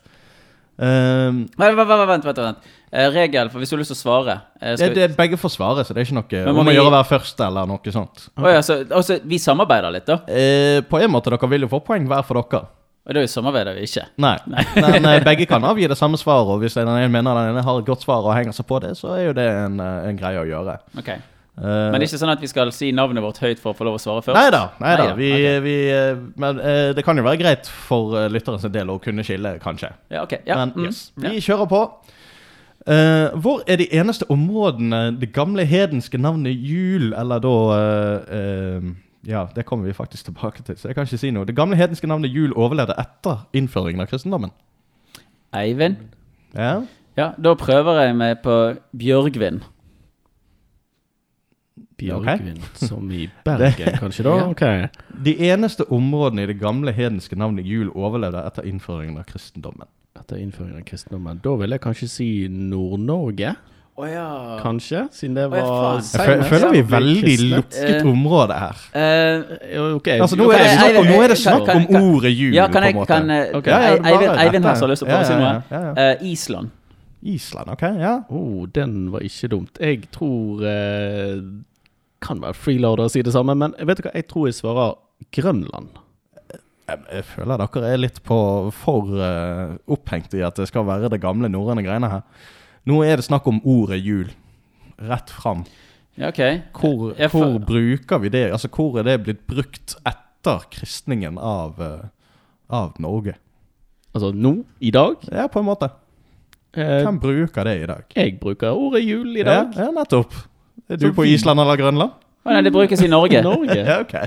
Ok. Er det deres endelige svar? Ja, Ja. ja det følte okay, jeg eh, faktisk. Litt hjelp fra veileder. eh, Ja, men eh, det er jo dessverre feil på Ja, begge to. Det er delvis rett, men jeg kan ikke gi noe poeng for det. For det, er- det er så geografisk begrenset at det, det gjelder for ingenting. Det er snakk om Norden og faktisk England. Oh. Danskene, svenskene og engelskmennene har jul som faktiske ord. Jul? Altså engelskmenn også? Ja, de har faktisk tatt vare på det etter det gamle skal, nå er det jo riktignok historisk at vikingene hadde jo en eh, form for okkupasjonstid i England. Og eh, det er faktisk overraskende mange ord som stammer ifra gammel norrønsk i det engelske språket. Og i dag så finner du faktisk eh, tydelige tegn til det. Ikke at jeg har veldig gode eksempler på det i hodet mitt, dessverre. Men akkurat som vi bruker hotdog, så har de begynt å bruke gamle norrøne ord, og så har de gjort det på en måte litt engelsk. Var en hotdog et gammelt norrønsk ord? Nei. Ja. Det var et eksempel sånn som vi bruker hotdog, så har de brukt Men jeg, noen jeg ville tro at de sier Christmas. De gjør det, men de har det òg som en sånn eh, Hvis du sier liksom jul til de, Så vet de hva så, det betyr. så forstår de det. Men det er Oh. det, Ja, det hadde et eller annet fancy ord som jeg ikke husker. Så det er et alternativ til Christmas, på en måte. Ok. Ja. Så det. Uh, vi går videre til neste uh, spørsmål. og Det er jo da hva er disse gamle ordene som ble uh, opp, opphavet her? Eivind, Ja. Uh, ordet kommer fra det hedenske ordet jol, som var midtvintersfeiringen. Er dette det du har lest på den? der Dette er det jeg har lest på den mjølen! Det høres veldig riktig ut. Jeg Ja. slenger meg på det svaret der. Ja. ja, men den er grei. Det er uh, et poeng til begge to. Det er, Yes. Jeg kan for øvrig legge til at det er også et ord til, og det er jolablåt. Jolablåt. Ja. Jolablåt. Så det er òg en ting. Jol eller jolablåt. Ehm, og så er jo da det litt vanskelige spørsmålet en av de første virkelig vanskelige. Så her skal vi jo se om dere har noen gode svar. Ok, Så de andre var lette? Ja, Ja, de første okay. var lette. Nå kommer vi altså til hvorfor ble jul feiret opprinnelig? Eh, Eivind? Ja, Jeg føler jeg nettopp sa det, da, men det var midtvinters. ja, Ja, for å feire at uh, solen Solen snur. Mm. og det ble varmere Ja. og lysere. Jeg hadde satt opp to poeng her. Så det er Jeg kan si at begge får et poeng på den der. Har dere lyst til å prøve å finne ut hva det andre kan være? Ja, altså øh, dette, altså, Disse tradisjonene det er jo sånn som blir tatt vekk fra den originale. da Altså Det er kristendommen som kommer inn og så sier ja, men nå har vi en tradisjon, og da bare tar vi den. og så, For det er så lett å overføre det. Uh, midtvinters har jo vært en ting, men uh, norrøne, de uh, Det var den årlige heksebrenningen da, kanskje? Den kom vel et par år seinere. Ja, Nei, men jeg tenker det er jo Du må jo ha litt varme. ja, ja, ja. Noen forslag? Um, ja, har sankthansbål på sommerstid, sånn, så da jo ja. Nei. ja. Nei, jeg vet ikke. Jeg vet ikke. Nei, den er grei. Uh, for det som er greien, er det at de lærde strides. Ifølge det store norske leksikon, altså. Det kan umulig ha vært svaret. Uh, nei, fordi det er som er greien, er at noen mener det er en feiring til vintersolverv da solen snudde. Det er også andre som mener at dette her er en fruktbarhetsfest. eh, med en rekke kultiske handlinger eh, og vegetasjonssymboler. Altså vegetasjonssymboler som spiller en stor rolle i de gamle skikkene. Midt på vinteren. Tydeligvis. Ok, Altså før liksom for våren, og da skal Nei, nei, nei, midt, ja, ja. Midt på Altså- vinteren, bortimot. Ja, men nei, så da liksom man ser frem til våren, da når alle skal pare seg med alle og Mulig det, mulig det. Det er vel sånn at, det er i eh, alle fall eh, Det er i alle fall en eh, de har tydeligvis noe som tyder på at det kan være uh, i den retningen, da. I moderne tid så er det vel sånn at veldig mange barn blir til fordi folk likevel sitter mye inne. En slags form for tidsfordriv. Ja. Ja, Mm. I sin doble betydning. Og så er det en eh, Her skal jeg være veldig åpen på, eh, på svar. Men eh, spørsmål nummer fire, altså. Her er det bare ett poeng å hente. Kanskje mer hvis det kommer noe veldig spennende. Hva er greien med juletreet? Hvorfor ble det en ting å ta inn et tre i stuen? Uh, har, har dette noe med Hitler å gjøre? Hæ? Uh, jeg er ganske sikker på at det er juletre før Hitler kom til verden. Det var det, ja. Det mener jeg. Hvis ikke du har noen ville konspirasjonsteorier som vi kan ta opp nå. Jeg, må, jeg skal ikke lyge her. Jeg fisker litt etter ansiktsuttrykk. Men liksom, altså, jeg har en følelse at dette i hvert fall kommer fra Tyskland. Det er jeg eh, ganske sikker på. Eh, Jeg gir han en 75 sikkerhet. At det kommer fra Tyskland. Jeg nokså sikker på at eh, Men eh, og da tenkte jeg at eh, da var det enten Hitler eller hun som sang 990 luftballong, og det ble i hvert fall for seint. Det var det jeg kom på fra Tyskland. da Det så, hadde vært jævlig stille hvis det var mm. svaret. det, ja. Hun som sang 99 Luftballons at hun Nei, men jeg tror det rett og slett det har med eh, den måtte, samme denne fruktbarheten at man måtte ta inn noe som Altså, for juletre, det Altså, det, altså det visner ikke ute i naturen. Mm. Det er noe man kan ta inn, for alt annet visner. Alle blomster, alle gress, og det visner. Mens juletreet, det står. Og da tar man inn det som et symbol på at vi på en måte, vi består, vi eh, lever videre. Mm. hmm. Det er mitt svar. Ok, veldig spennende. Her, eh, her er dere faktisk begge to inne på det. What?! Yep. Ok? Det, det, det, det, det er helt drøyt. Jeg er helt Hitler-tingen var, Hitler var Hadde dere Nei, Nei, Hitler hadde ingenting med det å gjøre, dessverre. 990 luftballong! Akkurat derfor. Nei da. Nei, men jeg skal, jeg skal, jeg skal si hva som er greien. Men uh, Fader heller. Ja, nei, det må bli poeng til begge. Uh, jeg er meget imponert, Brage, over retorikken din her. Ok. Den, den, den er on point, altså. Så at, dere skulle, at noen skulle treffe på den, var jeg ikke sikker på. Men den tyske greien den var jeg litt forberedt på. Ah. Um, det var du som tok den vanskelige delen. jeg, jeg, gir Brage et halvt poeng på den altså. Fuck! Ja, Yes. Sorry. Uh, greien er altså vent, vent, vent. Jeg kaster meg på det som Brage sier. Too late. um, nei, for greien er nemlig det at det å pynte med grønt som einer og grankvister inne til jul var vanlig fra gammelt av. Og dette har blitt tolket eh, som vekstsymboler som fremmer trivsel og fruktbarhet. Eh, å ta inn et helt tre kan riktignok ikke spores lenger tilbake til enn på 1500-tallet i Tyskland. Og denne skikken kom ikke til Norge før 300 år seinere, på 1800-tallet. Vi er fortsatt ganske langt unna Hitlers tid. Ja, det er du. Eh, men det, det, altså, det kom fra Tyskland, og det hadde du rett på. Og det var derfor du hadde et poeng der. Eh, men at Brage skulle treffe på dette her med Altså, ta inn, altså, ta inn et tre. Fordi at, eh, for det er nemlig noe med den der fruktbarheten, som du sier. Ja. Sant? Det å få inn dette her eh, grønne og liksom få det til å bli, eh, bli noe. Det, det var noe de gjorde lenge, og så har på en måte bare tidens tann blitt til, og så er det liksom Ja, men vi tar inn et tre istedenfor disse breinene og sånn. Men det var jo gjerne disse julekvastene og sånt. Det er jo gjerne noe som henger igjen fra dette gamle greiene, sant. Ja. Ja jeg, eh, jeg er helt litt enig med at du fortjener den ekstra halvpoenget ditt. da. Ja, ja. Tusen takk. Og Ja. tusen takk for den halvhjertige golfklappen som du ga meg. Ja, det, det skal du ha. Og du skal også ha jækla vær så god for at du bare slengte det på mjøden min. Hvis det er lov å si. Vi hopper videre til spørsmål nummer fem. Igjen ett poeng her. Uh, julebukk har sannsynligvis ikke alltid vært små barn som går fra dør til dør uh, og synger for snop. Uh, hva er ifølge noen forskere den originale julebukken? Hvem sa du? De norrøne forskerne? Nei. Hva du sa? Hva er ifølge noen forskere den originale julebok julebukken? Julebukken. Jo, julebukken. um, de har jo disse her som går rundt omkring og eh, velsigner hus. Um, så kan det være noe så enkelt at det var folk som gikk fra dør til dør og velsignet folk. Hvem vet? Hvem vet? Det, ja.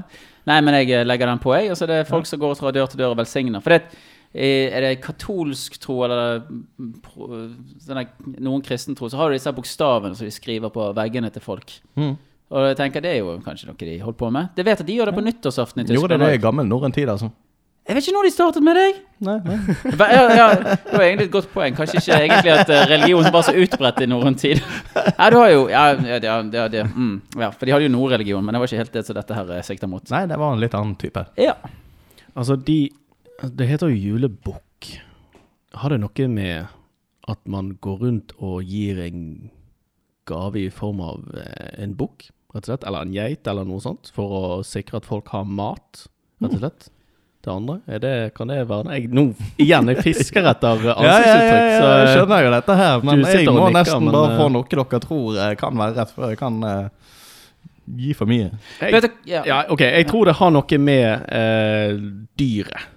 Mm. bok, At det er noe du går rundt, og da vil jeg tippe at du ja, gir en gave, et eller annet eh, dyr som du gir sånn at folk har mat. At det er en julebukk. At det er en Ja, det tror jeg. Ja. Det er Ja. mitt svar. Jeg eh, slenger meg på Hannes, og så lager jeg inn en helt egen for meg sjøl. Ok. og så sier jeg at det har noe med uh, å fjerne onde ånder å gjøre. Ok, mm. Den er tricky, altså. Men ok. Jeg kommer med svaret. Enkelte forskere har ment at julebukken også er et uttrykk for frukt, en fruktbarhetskult. En bukk som opprinnelig ble slaktet til jul for et godt år. Senere er ordet ble brukt om en person som gikk omkring i julen kledd i en loddet fell, og gjerne utstyrt med en bukkemaske. Ok. Eh, Ja. Så her er det jo altså snakk om eh, Altså, du er jo inne på at det har jo noe med dyr å gjøre. Til dels. Ja, og Men du man- gir den ikke til noen. Nei. Men du går og velsigner. på en måte. Ja, ja, ja, på en måte. Du ofrer den jo ønsker til at, gudene. Det er jo eh, det du gjør. Ja, og ønsker at alle skal bli fruktbare. Det er jo, det er jo, det, det er jo en gjenganger her. Fruktbarhet. Men det er jo en velsignelse òg.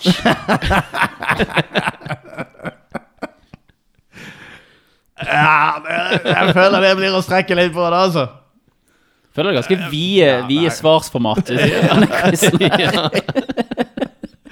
Ja, nei, jeg, jeg, jeg, jeg godkjenner ingen svar her, dessverre. Ah. Ok, Men da har vi lært altså fruktbarhet. Svaret er fruktbarhet. Alltid. Ja, ja, Det har noe med det. ja. Uh, spørsmål seks. Fruktbarhet. Ett Neste. poeng. Jeg, jeg, jeg slenger meg på det svaret. Ikke sleng det på min fruktbarhet! uh, selv om det er mye av den originale julefeiringen som fortsatt er ukjent, uh, finnes det noen hovedtrekk som likevel er kjent. Blant annet at den begynte 13. januar med en feiring i hjemmet som straks seg over flere dager.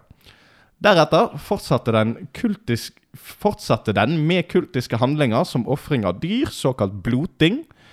Eh, hvilket annet viktig innslag ble gjort til gudenes ære for å fremme årsvekst og fred? Fruktbarhet Nei. eh, det funka dårlig på det Black Friday. Nei. Og den her var litt vanskelig, da. Å, tenke litt Okay. Så de gjorde noe annet enn bare å drepe dyr? Ja, de gjør nok det. Ja, det det var, de hadde andre, andre måter å ære gudene på. Kan det, de tok de seg en pils, eller? Kan de ha gjort det? Kan de ha tatt seg en liten Altså, de har jo den der eh, Jeg gidder jo ikke gå gjennom hele det skålgreiene, men skål var jo da delte de denne skålen rundt, sant? Kan det være at de bare Ja. hadde en eh, En juleskål, liksom. Ja, juleskål. De, de, de hadde et, eh, en sånn liten greie hvor- Nei, vet du hva? Fuck it. De hadde orgy. De hadde orgies. Ja, det må jo være der vi skal. Vet du hva? Det er fruktbarhet. Jeg, jeg syns det høres veldig Ja, det må jo være der vi skal. Jeg slenger meg på på er, det. er, er dere sikre? Sikker er jo ikke, men det er jo 99% sikkert. Altså Om det står der eller ikke, så vet vi at de hadde det. Det har noe med fruktbarhet å gjøre. Ja, Hva annet som skjer. ja. De, de drepte dyr og hadde sex. Det var Det er så synd, det! Det er så synd! Øldrikking er riktig. Nei!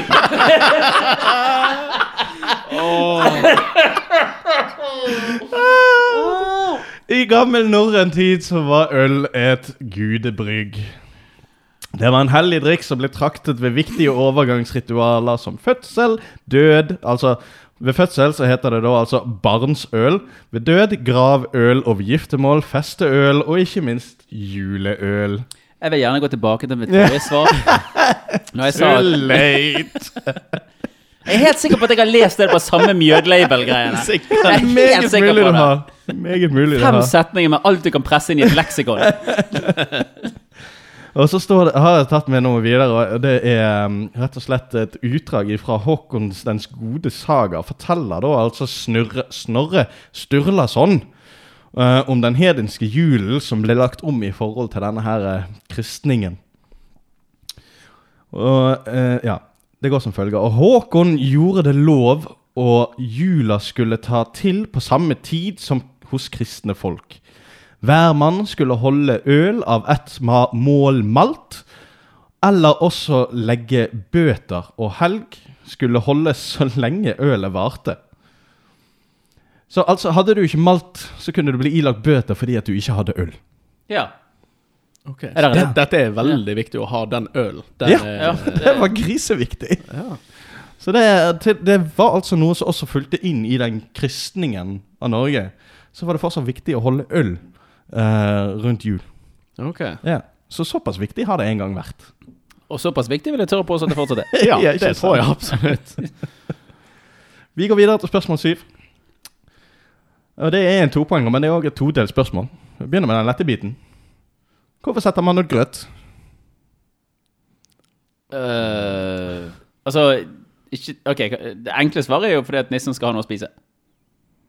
Det, er- vet du hva, jeg holder meg på deg. Ja. Første svar avgitt, endelig svar avgitt. Jeg eh, Jeg tror ikke det er nissen som skal ha noe å spise, men jeg tror det er et eller annet eller en eller annen som skal ha noe å spise. Og det er, er det omreisende, eller er det Oh, jeg har Er det en eller annen fruktbarhetsølmann som eh, skal ha noe Fruktbar, fruktbar dyrdrepende ølmann.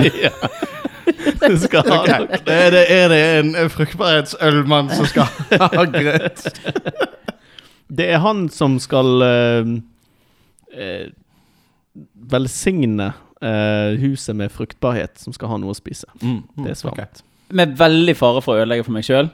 Vi var på sånn biltur, og da var vi innom et sånn gammelt sånn husgreier, hvor de snakket litt om hvordan tid, tingene var før i tiden. Og ånder er jækla viktig tilbake den dag der da. Og det å, å, å, å, få ånder til å gå vekk ifra hus, Det er også veldig avgjørende. Så jeg tror dette her er noe som er lagt ut for å fjerne onde ånder igjen. Selv om jeg har brukt det svaret før, så tenker jeg at det må dukke opp en gang. Ja. Ja, Så det er ditt nye svar? Faen. Nei, jeg går tilbake på nissen. Nissen skal han spise. Yes! Det er nissen, altså. Ja, ja. Ja, det er jo det i dag. Men, ja, men, Vi satte ut grøten til nissen. men var ikke dette for 100 Jo, år jo, siden? men, eller? men, men allikevel. Så kommer vi til neste spørsmål. Å, faen, har jeg gitt det Hvor stammer dette fra?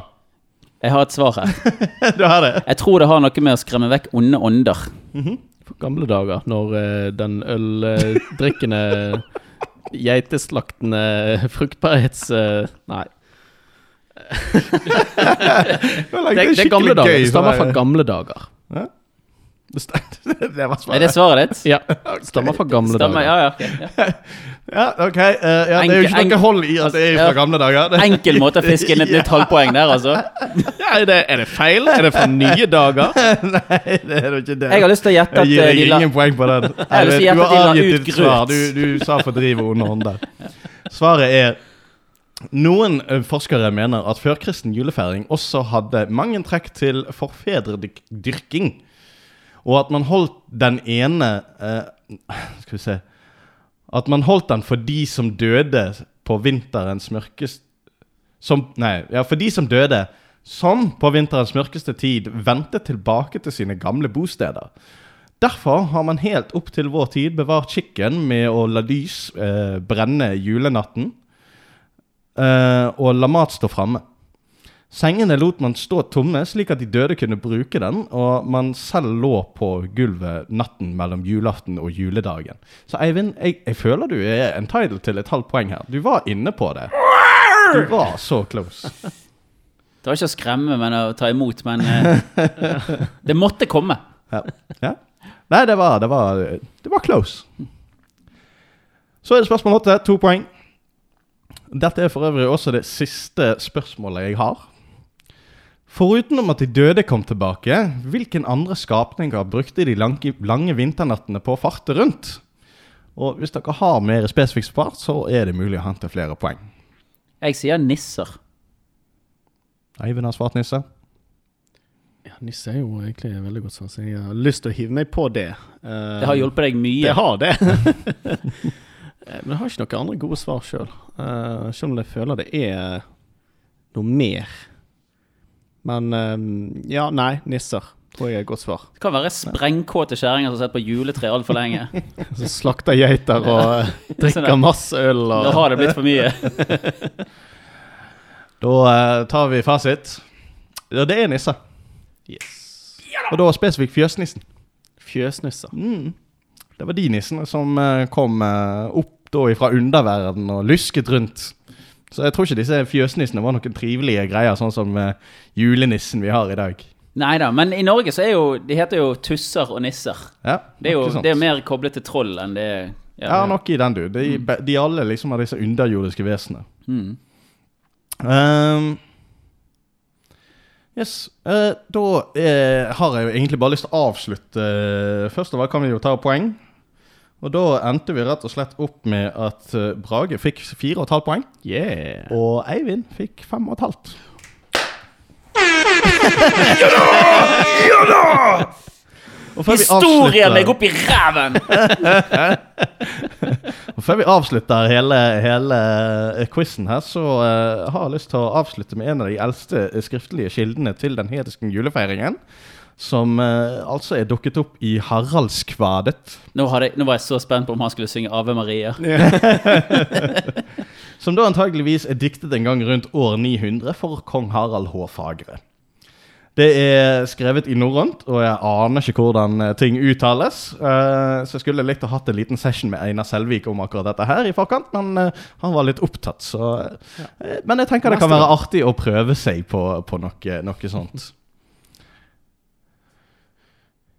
Uti viljol drekka, F skal ein råa.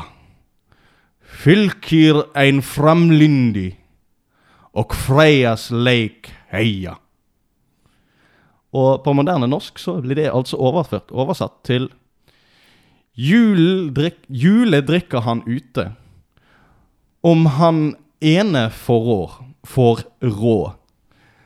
Den framlynte fyrste og leker Frøyas lek. Veldig bra. Det er jo veldig bra. Jeg er litt uenig med at dette er sånn man sier, sier det på norsk, men ja. Ja, nei, men det er eh, Det er ingen som vet hva Frøyas lek er, sånn eh, 100 Kan jeg, Men jeg tror det det har noe med fruktbarhet å gjøre. det Det, det å det. jule drikker han ute, det er faktisk det å, å uh, Ja, det har noe med å, å drikke øl på sjøen eller noe. Ja vel, ja. Ja, ja. ja. Der Han var er ute i båten og seilte, men drakk øl eller noe i den du. Feiret jul der. Noe, noe i den du. noe vi kunne tenkt, tenkt, tenkt, tenkt på. Ja. Så det, det var dagens altfor lange quiz. Syns det var nydelig. Bra levert. Går vi videre? Yes. Sånn kan det bare ikke være! Nei, vet du hva? Ja da, nå har vi kommet oss ifra quiz og skal over og rante, så det blir litt skildringer her akkurat nå, da. Men uh, tingene skal jo gå sin vante gang, og da er jo det bare til å sette i gang. Jeg har skrevet en liten sak som irriterer meg, som jeg føler at er nødt til å komme seg ut på det vide nettet og forvares i historiens evighet. Jeg vil ikke ta dette opp. Jeg vil i grunn være ferdig med hele greien. Det har pågått litt for lenge, og derfor forstår jeg også, også at temaet er avskrekkende og ute av mote. Og gud bedre kunne det bare vært som motebransjen. Vårens pandemi heter covid-19, og som ni kan se her, Mona her, så hun har litt pustvansker, en god feber og rett og slett veldig sliten. Klara, som dere kan se her, har tatt seg inn på et sykseng, og planlegger å tilbringe sommeren på intensivavdelingen på Haukelands universitetssykehus, hvor de har krisebemanning og nær full kapasitet på avdeling for alvorlig lunge- og pustesykdom. Petter her har ikke direkte problemer med sykdom, og som dere kan se, har han benket seg inn på hybelen sin, hvor i stedet for å lese eksamen, som uansett kommer til å bli avlyst, har han erstattet fadderuke med pels, pizza og Fortnite i sin ensomme lille studielånsubsidierte stue på Gyllenpris. Men sånn er det jo ikke. Nei, hadde bare covid-19 vært som mote, så hadde, hadde det nok vært over etter hvert, ser jeg for meg. Men slik er det ikke. Covid er på ingen måte vekke. Vi ser igjen at sykehusene fylles opp og er tilbake til det nivået vi så i april. Vi ser igjen svært høye smittetall og reguleringer rundt utesteder og diverse samlingspunkter hvor man må framlegge sertifikat for å slippe inn. Jeg er ikke imot reguleringen. Det er kjedelig, men jeg ser jo på de samme tallene som alle andre ser på. Og jeg forstår jo behovet, og jeg skal ikke stå i veien for det. Men lenge har jeg tenkt, om vi fortsatt holder på med dette, hvordan skal vi da se for oss at det skal slutte?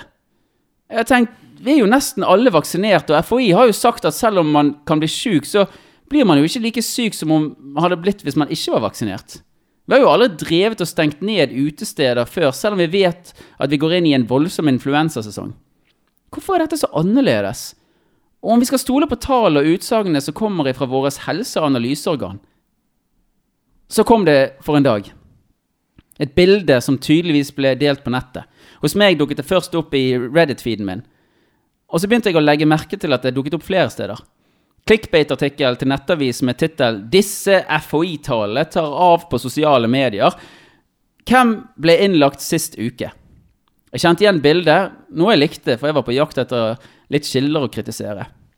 For om tallet stemte, måtte jo folk begynne å skrike frustrasjon, tenkte jeg.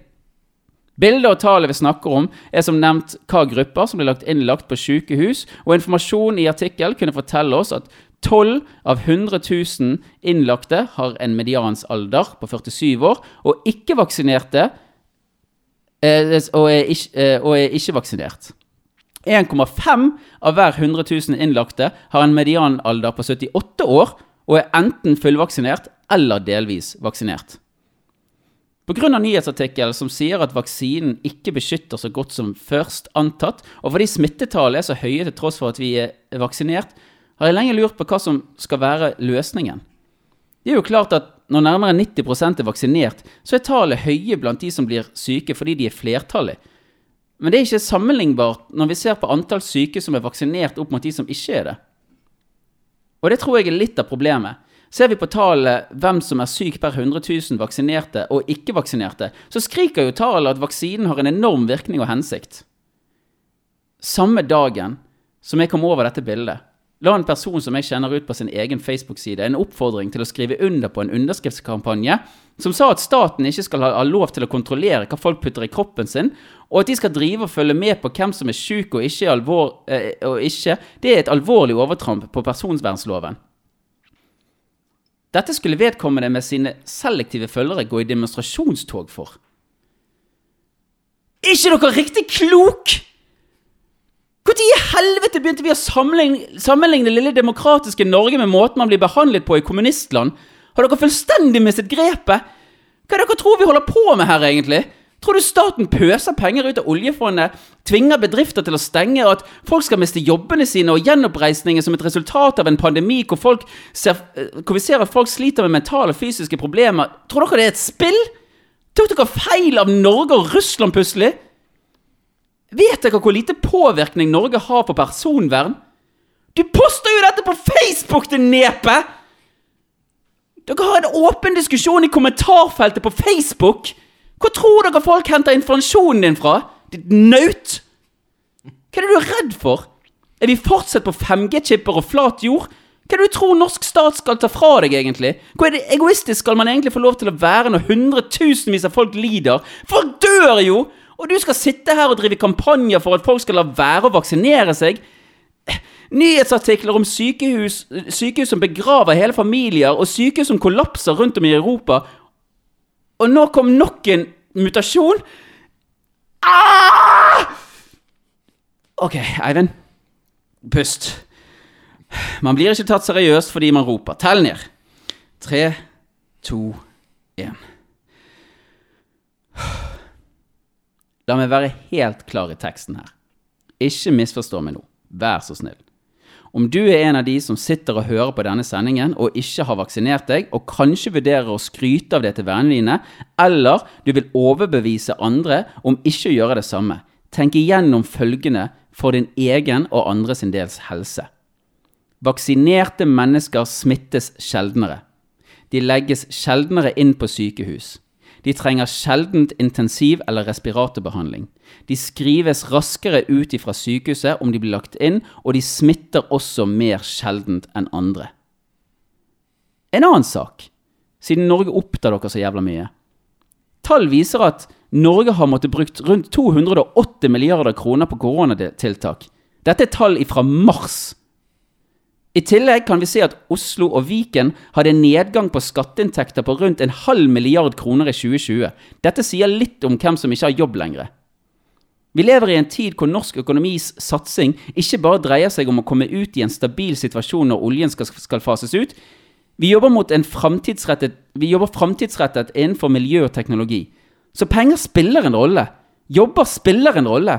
Vi sitter på en kompetanse og en mulighet for å hjelpe å kutte og lagre miljøfarlige gasser på en global skala. Er ikke dere flau? Eier dere ikke skam? Har dere druknet så langt ned i et ukritisk kaninhull at dere bare må dele denne giften deres på nettet? Kan dere ikke bare gå tilbake igjen og klage over disse kapitalistene som tar over verden, eller massedrap, eller konspirasjonsteorier som ikke nødvendigvis trenger å skade folk så jævlig?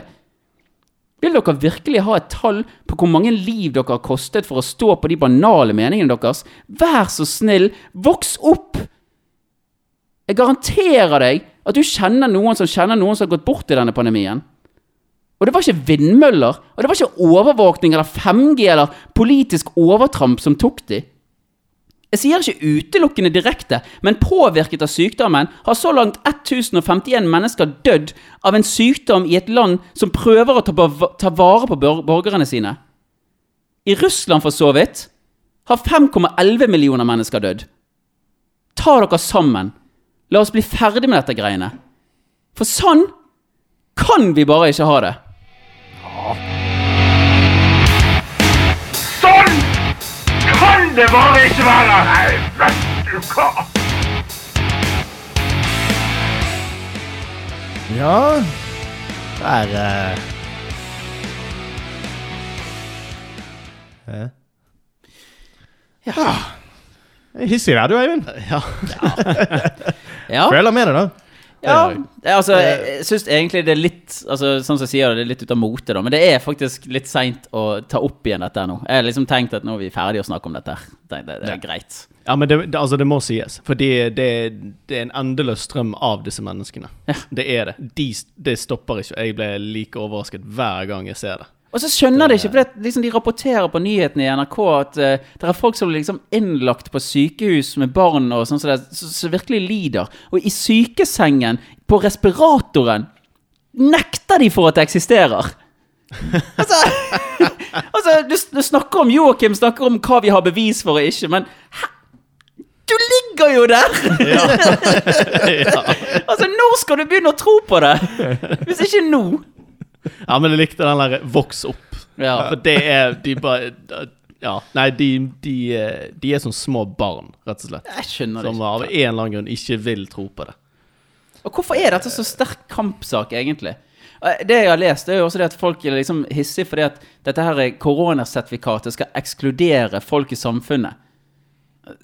Hvor ofte skal vi vise dette koronasertifikatet, tror du? Altså, det, det fremlegges jo bare fordi at vi ivaretar sykdommen. Hadde vi blitt kvitt sykdommen, så har det har jo ikke vært en sak. Nei, det er noe sant. Jeg kjørte forresten eh, til Arna i går. Eh, gjennom Åsane og så til Arna. Og der i ene rundkjøringen så var det noen som sto med plakater. 'Nei til koronapass'. Men så var de kledd i sånn hvite sånne malerklær med, med briller, så du så ikke ansiktene deres. Det var helt sånn der eh, eh, ja, De skulle ikke få inn noen sykdommer, men de sa nei til koronapass. Som ikke gir noen mening. det gir jo ingen mening! Og dessuten, altså det der koronapasset Vi har jo ikke sett det foreløpig. Det var jo bare fordi at eh, i Tromsø eller hva det var for noe, så snakket de om at de kanskje var nødt til å introdusere det igjen. Ja. Det er jo ikke noe vi ser. Vi ser jo det bare fordi at det er et problem i at sykehusene, sånn som vi sa på forrige sending, eh, dette her er barnesykdommen som kommer inn, og så blir liksom kapasiteten på sykehusene Det blir vanskelig. Eh, Skal du argumentere skal, Gå til en eller annen person som jobber på sykehuset, Nei. og sier ja, ja, nei, dere gjør en god jobb, men det der koronapasset, altså det det driter vi vel fint i, gjør ikke vi det? Hæ? Holder det. Og så må dere ta av og på dere denne jækla drakten hver eneste gang. Det klarer dere. Har jo lært å kle på dere sjøl. Store, store nå. Ja, Nei, men eh, tenker vi, eh, vi kutter den der, og så går vi videre til neste post. det kan vi godt ta og gjøre. Å ja, vent litt, da. jeg har en knapp jeg skal trykke på der. Jeg, jeg er så oppspent, skjønner du. Ja, ok, vi er i gang.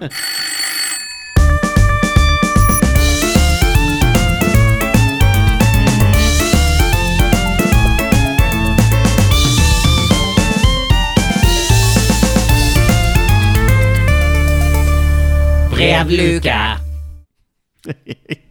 Der var vi i brevluken igjen. Ja, det er brevluken nok en gang. Ja, ja. Jeg blir så glad av slutten der. ja, først av alt så uh, har vi jo fått en tilbakemelding på forrige episodes rant. Uh, det, det er rett og slett Oliver som har vært inne og uh, gitt oss litt ros på den. Han sa det at eh, ranten fra episode 18 var veldig, veldig bra. Tommel opp, og det er jo, eh, er jo vi òg enig i. Absolutt. Det, men det er veldig hyggelig å få en uh, såpass fin tilbakemelding. Absolutt. Ja, tusen takk eh, skal du ha for det, Oliver. Ja. Og jeg må jo si at jeg har jo i år kastet meg på trenden som ble så fint og eh, levert av deg, Brage, Ok, ja. og har kjøpt til noen en, en gave som går på vegne av Vi gikk da for eh, For uh, Hva heter det for noe? De er eh, klovnene. De der Sykehusklovne. Sykehusklovnene. sykehusklovnene. Sykehusklovnene, ja. Mm. Mhm. Jeg så eh, han Dagfart Tønnesen. Han la ut det samme Ja. om å gi til sykehusklovnene. ja, nettopp, ja. Mm. ja. Var ikke det? Altså Han hadde gjerne de framme i, i klartekst, men det var jo òg på Om ikke sykehusklovnene, så er det mange Ja. andre å ta av. Ja, ja, det, han nevnte jo masse. Men Ja. ja, ja sykehusklovnene var en av de som han nevnte også. Ja. Ja. Nei, det er kult. Men ja, veldig bra, Brage. Takk, takk. er Vel fortjent. Ja, men det, men det må jeg si, det er veldig bra, Oliver, å si sånn eh, eh, Altså på en kommentar. da. Det, det gjør veldig mye for meg også. Så det setter jeg eh, stor pris på, den Ja. rosen der. ja. Nydelig. Takk til deg! Ja, ja, ja, ja. uh, ja, vi har jo også noen spørsmål. Og forrige gang hadde vi fire spørsmål fra en og samme kar. Uh, en Sebastian. Ja. Om det ble nevnt eller ikke, det har vært en liten, uh, liten diskusjon. Men uh, det er nå i alle fall Han har sendt inn såpass mange at vi har måttet dele det opp. Eller vi har i alle fall valgt å dele det opp. Og uh, nå i dag tenker vi å fortsette. De har rett og slett en backlog av spørsmål. Ja, ja. Rett og slett det vi har. Så det er jo nydelig. Det, det er godt levert, Sebastian. Takk skal du ha for det. Ja. Eh, så vi begynner egentlig bare med det neste spørsmålet på listen. Jeg ser det for første gang nå. Det er nydelig. Spørsmålet er ikke så langt. Eh, jeg har en tro på at det kan bli kort svar her. Ja. Hvorfor er ordet snarvei så langt? Eh, det har vært diskutert Jeg har vært jeg har sett en standup-komiker på YouTube som står og diskuterer om folk med Altså folk som er dum, trenger lange ord for å forstå hensikten. Eh, for å forstå hensikten med det. Um, en av de er jo eh, horseback riding. Hæ? Altså Eller eh, paper trash bin, eller hva det heter for noe. altså, du forklarer hensikten med hele ordet. Og uh, jeg har jo en følelse at det kanskje det ligger litt Altså, det er en, det er en snarere vei. Men det er en ganske, et ganske langt ord, jeg er enig med det. Ja. Men, men jeg liker at ordet omvei er kortere. Det er et godt poeng. Det er et godt poeng. Ja, nei, Der har vi svaret. Det er rett og slett Ja, Vi er for dumme til å forstå et ord som skulle vært kortere. Ja, ja. Ja. Derfor, Ja. derfor er det eh, snar vei snarvei for en, en kortere vei. Det er altså lengre enn en omvei. Eh, Det er ikke lett å komme på et alternativ til ordet snarvei heller. Nei, du måtte jo lage noe. Ja, for det Men da må det Bare- bare bare én sånn eh, stavelse, liksom. Ja, Det var veldig kort. ja, ja. Du måtte jo bare lage noe. ja du kunne Eh, gjort Vi, det. vi kan lage rød, vi. Rød. Ja, Rød. alle sammen bare begynner å si eh, Nei, jeg tok en rød. Ja, Jeg tok en rød til Rema 1000. vær så god. Levert. Levert. Er det mange nok som bruker det, så blir det et ord. Da har vi et annet ord for snarvei. Ja. Eh, neste spørsmål. Hvilken kjent filosof, død eller levende, ville du likt å drikke en øl med? Var det en Redda Joppe-referanse? Ja, jeg tror det var noe inni der. Redda Joppe, død eller levende. Ja, det, er- det er Vårt yngre ikke. publikum er ikke helt med på den, tror jeg. Nei, Men, eh, kanskje ikke. eh, Ja, da. Ja. Eh, Der har jeg for så vidt en tanke. Jeg husker jo ikke navnet på, på denne karen, dessverre. Men det er en kar jeg har hørt har dukket litt opp i, eh, i musikk. Um, som har en veldig sånn behagelig stemme og uh, Ja, akkurat hva Altså, han har eksempel en, en I en av sangene jeg har hørt eh, et utdrag av hans eh, opp, eh, Skal vi si opptatte, men sånn Der det er blitt tatt opp at han har snakket, da. Dette her er vel en mann som levde på rundt 80-tallet. Mm -hmm. uh, han snakker om, om hvordan det er å, å bli gjenfødt. Han har rett og slett hatt en lengre seanse med seg sjøl og tenkt liksom hvordan, hvordan fungerer dette her å bli gjenfødt med. Um, Dette høres veldig Bob Marley-aktig ut, føler det jeg. er ikke Bob Marley. Nei, ok. Det er, han er ikke musiker, det er en filosof. Ja. Eh, men, men ja, jeg husker rett og slett ikke navnet. Jeg har Kan det glemt være Alan Watts å, Kanskje det er du det. tenker på? Kanskje det. Han har jeg hørt litt på, så han er Ja, også Det- det veldig kan godt- behagelig stemme. Og, ja. Nei, men jeg tror det er Alan Watts. Han, Det, det kan jeg dobbeltsjekke til neste episode. Ja. Greit. Men eh, ja, det, vi sier Alan Watts, vi enn så lenge. Ja. Jeg eh, tror eh, Ja, det var veldig godt svar. Jeg hadde egentlig tenkt å svare Aristoteles, men jeg vet ikke helt hvordan vi skulle forstått hverandre. Eh, annet enn det å drikke en øl, og så bare hey, Skål! Hey! Det hadde han sikkert skjønt. Nei, men vi må nå få lov til å legge friheten eh, til at vi kan kommunisere. Ja, nei, Da hadde det vært jævlig artig å snakke med Aristoteles. Eh, ja, men også Filosofenes forfar. Ja. Ja. Men også det svaret ditt, eller Mats, tror jeg hadde kunne hatt en veldig god samtale med. Mm. Absolutt. Ja. Det er jeg veldig enig i. Ja, jeg, jeg har ikke god nok tid til å tenke ut noe, så jeg tenker jeg kanskje bare kunne snakket med noen av de vennene mine som uh, har denne, denne filosofiske teorien om at uh, disse her sertifikatene kanskje ikke fungerer. Så det, for jeg syns jo det er- en veldig jo- Ja, for jeg jo det er en veldig interessant tanke. Så, ja, og det er jo for meg er et veldig filosofisk spørsmål.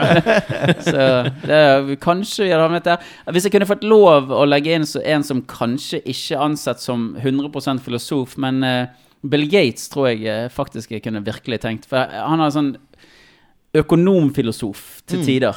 Han syns jeg virker ganske interessant. Så kanskje jeg hadde snakket med Bill Gates. Han er vel heller filantrop. Filantrop, ja. Det er riktig. Det, ja, Mm. det er close enough.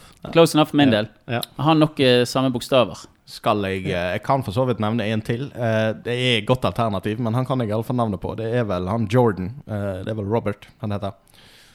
Eh, tar for seg veldig mye i forhold til uh, status man har i samfunnet.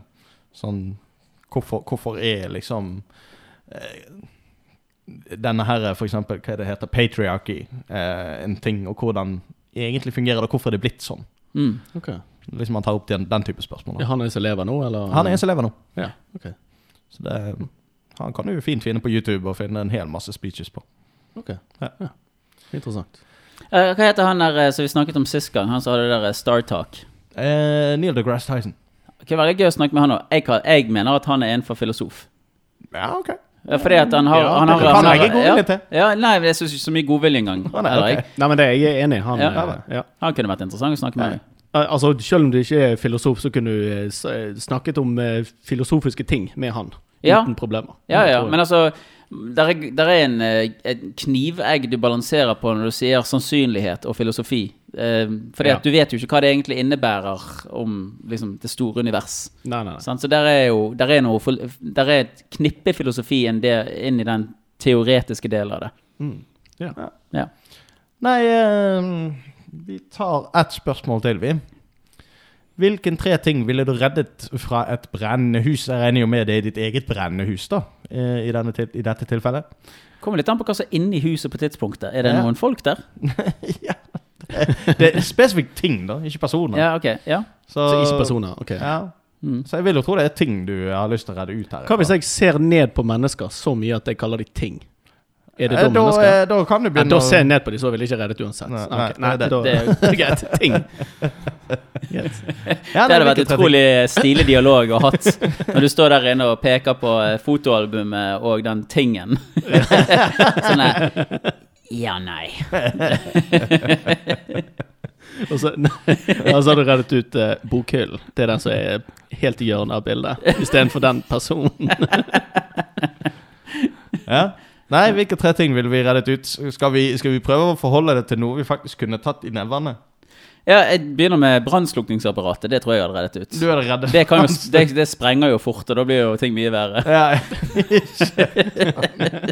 Men du hadde ikke brukt det. Nei, nei, for her skal du Du redde ting meg. ut av uh, brennehus, sant? Ja, ja, Jeg hadde helst brukt det, men nå er ikke det en del av spørsmålet. Nei. Ja. Eh, Interessant. Det var jo en Jeg tror jeg hadde tatt eh, først av alt mobilen min Mhm. eh, for å ringe til eh, 112. Ja. Det jeg kunne gjort etterpå. Men eh, ja, det er min første ting. Så jeg ja, hadde den, tatt. den, den slenger vi faktisk på. Jeg tror ikke jeg hadde gått et sted uten mobil. Nei. Men jeg tenker at man har jo sjel... Altså, mobilen ligger jo som oftest i lommen, tenker jeg. Men dere kan få lov å velge den. Ja, Altså, ja. ja, nei, jeg tenker du, du vil nå være sikker på at den er min. Det er en av tingene du sørger for er min. ja. Nei, jeg er enig. Ja. Nei, nå etter eh, all den uh, uh, testikkelkreft-scaren som vi har hatt, så eh, har ikke den så veldig mye i lommen eh, når jeg er hjemme. Godt poeng. Da, ja, Vel gjennomført for øvrig òg. takk. Eh, ting nummer to Ja, hva skulle det vært, da? Jeg uh, Jeg hadde definitivt tatt laptopen. Ja. Det, jeg, te jeg tenker litt i de samme banene. Nå har ikke jeg en laptop akkurat. Jeg har en heller en stor, tung drog, men eh, jeg tror det røsker det med meg, ja. Ja, jeg tror jeg hadde Ja. Hadde, PC-en hadde, hadde blitt med. ja. Kabler og alt sånt som henger fast. Jeg vet ikke om jeg hadde skrudd ute alle liksom, kabler til skjermen og sånt, for jeg hadde bare røsket alt med meg. Og ja. Jeg hadde prøvd på det. Ja, ja det er meget sannsynlig. Meget sannsynlig. Uh, og en tredje ting Vi eh, kjøpte jo i fjor en eh, vi, vi oppdaterte huset med å installere en hel del sånne Philips Hue-pærer. Nå har jeg bare lov til å ta med meg én ting, nå, så jeg hadde begynt å skru ut én av de Philips Hue-pærene, tenker jeg. Fordi at uh, den kostet litt, grann, og det hadde vært veldig greit eh, hvor han havner inn henne senere, liksom, å få skrudd den inn igjen, da. Ja. Ja, det, den er jo Men da hadde jeg ja, da hadde jeg ikke hatt ruteren heller. Da hadde jo ikke den kunne fungert. Så man ikke, kanskje, men kanskje hente ut ruteren, for da fungerer ikke Da har jo ikke pærer. Uff, jeg hadde dødd inni der. Jeg har stått og tenkt dette. Stått der og fundert. Så, så, Eivind fikk bare to ting Ja. før han uh, beklageligvis gikk bort i Sitter der og tenker liksom, hvorfor gikk jeg for det brannslukningsapparatet? For jeg kunne jo tatt Han ut sto alle Philips og brente Hue-pærene. Ja. Nei uh... Hva skulle det vært? Altså den tredje tingen. Altså Nå bærer jeg allerede på en P... Er dette én tur som du har? Da bærer jeg Oi, allerede på en PC. Det er jo interessant tanke. Eh, Da, eh, vi kan jo bare gjøre det artig å si det. Ja, da har jeg mobil i lommen. Akkurat nå når jeg skal løpe ut. Ja. Da er det greit, for testiklene mine kan overleve det. Eh, jeg bærer på svære PC-en, og så en tredje ting. Ja. Eh, en jakke? Det er jævlig kaldt ute. Det er ganske kaldt ute akkurat Det er, jeg har det frøs. Selv om det er, altså når hele bygget står i fyr og flamme, så er det litt varm i det, men uh, jeg tror jeg trengte en jakke etter hvert. Ja. Etter jeg hadde ringt politiet og satte fra meg PC-en og sånt, så ble det kaldt. Ja, ja. en jakke. tror jeg jeg hadde tatt. Ikke sant. Nei, jeg Jeg, eh, jeg landa liksom på at jeg hadde røsket med meg noen batterier til høreapparaten, jeg, altså. Ja. Ja, det er sikkert uh, veldig viktig. Ja. Ja. Det er egentlig ikke det. Det- det. Det er relativt lett å få tak i. Så det, det, det hadde ikke vært verdens største tap, egentlig. Men det er jo egentlig for så det, vidt det hadde vært veldig lett kjedelig hvis de gikk tom for strøm når jeg sto der i, i, i uh... Ja, akkurat der da så Ja. trenger du det veldig mye. ja. Ja, da, Det akkurat da er det veldig viktig. Ja. med- Men det er veldig lett å få tak i batterier på utsiden av huset òg, altså. Ja, det er ikke Ja, ja, men det, det hadde overlevd litt, tenker jeg. Men uh, nå- da er vi sikre. Ok, ja. Ja. Men hva hvis du ikke har uh, høreapparatene på deg, da? Du har bare tatt med deg batteriene. Ja, Da har de veldig liten effekt. Har du tatt med deg høreapparatene istedenfor, da? Eh, De, de er jo kanskje på, håper jeg. Ja, forhåpentligvis. Ja. I den samme tankeprosessen så hadde jeg kanskje stukket innom kjøleskapet og sett det. hadde en sånn quick snack jeg kunne ha med meg utenfor. Ja. Så, En sånn KitKat eller noe sånt. eller en yoghurt eller et eller Ja, annet. yoghurt, For du blir jo fort sulten. Ja, ja. Selvfølgelig. Yes. Nei, og med det så har vi altså tre og fire, fem ting vi hadde tatt med oss ut. Og eh, spørsmålet er dermed Skoene mine! Ja, nei, Ja, ja. du fikk ikke de. Nei. Eh, Du har jakken din, men du står på jakken, da? og PC-en min. sånn, Men altså, argument, du, sier, du sier du tar jakken. Sånn argument at står vi egentlig kliss naken, vi. For klær er vel ting, de òg. Ja, men altså, vi kan ikke tenke så langt. Vi må ta Nei, ut, okay. Derfor har jeg egentlig spurt om når det gjelder mobiltelefonen. Hvis den allerede ligger i lommen, har du da Du kan ikke ta den ut av lommen for å legge den tilbake i lommen, sant? Nei, nei, fair enough. Fair enough. nei, men vi, vi, eh, vi avslutter der, vi. Og, uh, Men før du avslutter der, Oi. er bare en liten ting der som tenker Når du sier du tar med deg PC-en, er det innholdet på PC-en du er interessert i, eller er det verdien av PC-en? For den har sikkert sunket en del i, i verdi, og forsikringspengene dine hadde jo kanskje gitt deg en helt splitter ny PC. Der sier du noe. Ja. Det må du tenke litt igjennom. Ja. Ja. Eh, da, ja, da er nok mer innholdet. Så hvis jeg kunne røsket ut harddisken, Ja. da er det kanskje mer ja. eh, For du gjør et smart trekk. Ja. Ja. ja. Rett og slett. Ja. Samtidig mye lettere å bære. ja. Men vi gir jo sjøl veldig god tid til å stå i denne brennende leiligheten. Ja, ja, du skal jo skru ut de der pærene også. Bare én. Jeg Ja, bare ja. én. Mm. Ja. Kan jo være det er er de som er grunnen til hvorfor det tok fyr i huset. Vi setter en strek. Går vi videre til uh, henholdsvis uh, anbefalinger og avslutning. Og der uh, Nå ved veis ende. Hvilken, uh, hvilken anbefalinger sitter vi med i dag, Brage? Eh, I dag så vil jeg rett og slett anbefale en, en serie på Disney Pluss av alle steder. Eh, men um, en serie, en dokumentarserie laget av uh, Peter Jackson, Ah, faktisk. Uh, som handler om Beatles. om hva? Om The Beatles, bandet Oh. The Beatles. Oh. Og det er tre episoder. Der hver episode varer altså halvannen time eller noe sånt. Så det er ganske lenge. Men det handler om The Beatles når de var Altså de hadde eh, på var et stort band og var på masse turneringer og sånt, og så eh, sluttet de med det. For det var så mye bråk og mye tull. Og så skulle de på en måte komme tilbake igjen. Så da satte de seg ned i et studio i to uker og prøvde å skrive masse sanger og, og sånt og komme på liksom, hvordan de skal gjøre på showet og sånne ting. Eh, og, da, eh, og da er alt filmet, og alt tatt opptak og sånt. Ah, ja. Og da er de eh, opptakene remastered og eh, ja. og- Enhanced, hele pakken. ja, og da Det er ganske artig å se på.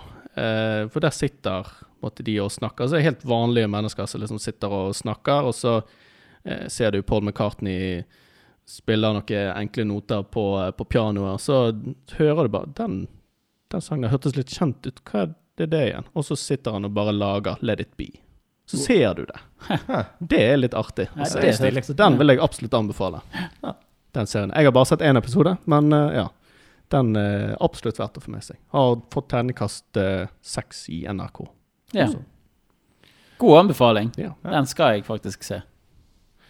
Ja, det skal ikke jeg, for jeg har ikke Disney pluss. Nei.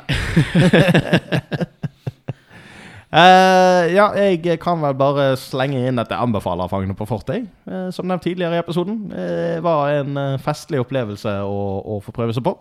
Anbefalingen ligger òg med henholdsvis minimum to av dine venner, så man er tre, som er den mange, av, mange av rommene har gjerne en minimumsbegrensning på tre mennesker for å klare seg best mulig i oppgavene. Så man bør være minimum tre på, på et lag. Kan være flere, kan være mindre, men befalingen er eh, tre eller flere. Ok, ja. Ja. Enkelt og greit. Det har vært veldig gøy å være med på. Hvis du har så mange venner, da. Ja, det var det, da. Det har jo ikke jeg. Det var synd. Nei da, har det. Kjekt å sitte her med deg. Ja, ja, ja. Du kjenner det, du. Eivind. Ja, um, jeg har en podkastanbefaling denne gangen. Det er NRK sin produksjon eh, Oppdatert. Eh, veldig dypdykksjournalistikk som eh, virkelig har gravd seg frem. Hedrer journalistene egentlig i sitt arbeid, og du kommer til å bli overrasket over hva detektivarbeid som går inn i enkelte av saker som har preget nyhetsbildet opp gjennom de siste tidene, og hvor mye mer informasjon som ligger i disse nyhetssakene som vi kanskje har sett. Dette er en superinteressant podkast, og det er ikke ett fast tema. Det er hva de kommer opp med. Så eksempel Solskjær, som kom seg frem. Eller du har flyktningekrisen. Hvor i all verden startet den, dette her pågående problemet som de holder på med i grenselandet til Polen og Hviterussland? Det er helt utrolig hvor langt tilbake i tid dette går. Um, disse historiene er heksebrenning. Også en sak som det der er, der, er, der er en som handler om en advokat som eh, har funnet ut at det er en heksebrenningshistorie, så han mener at eh, eh, hun var uskyldig brent, for hun var ingen heks. Så han nå i moderne tid prøver rett og slett Var hun uskyldig? Hun var uskyldig brent. Mente det at det var ikke bevismateriale nok for å si at hun var en heks. Og eh, prøver nå i moderne tid å ta opp en sak for å eh, frikjenne hun fra å være heks. Okay. Det er utrolig mange interessante episoder som ligger der ute. Så det er, jeg anbefaler den på den aller sterkeste. Veldig interessant, og episoden er ikke mer enn sånn 25 minutter lang, så det er veldig lett å komme seg gjennom. Ja, ikke sant. Nei, men det er flott. Da er det egentlig bare for oss å si takk for i dag, og takk for at du hørte på. Og vi høres ved neste episode. Ha det! Bye, bye!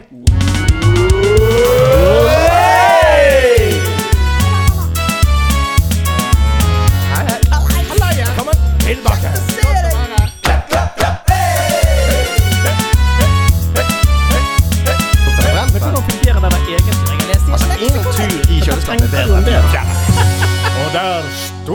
han har. Se hvor lang han har blitt. Denne var lang, ja. Hvorfor? Dette gir ingen mening. Men han ordner så oskemysterier på melkekartonger. Litt av koronadatt. Nei. Takk og krydder.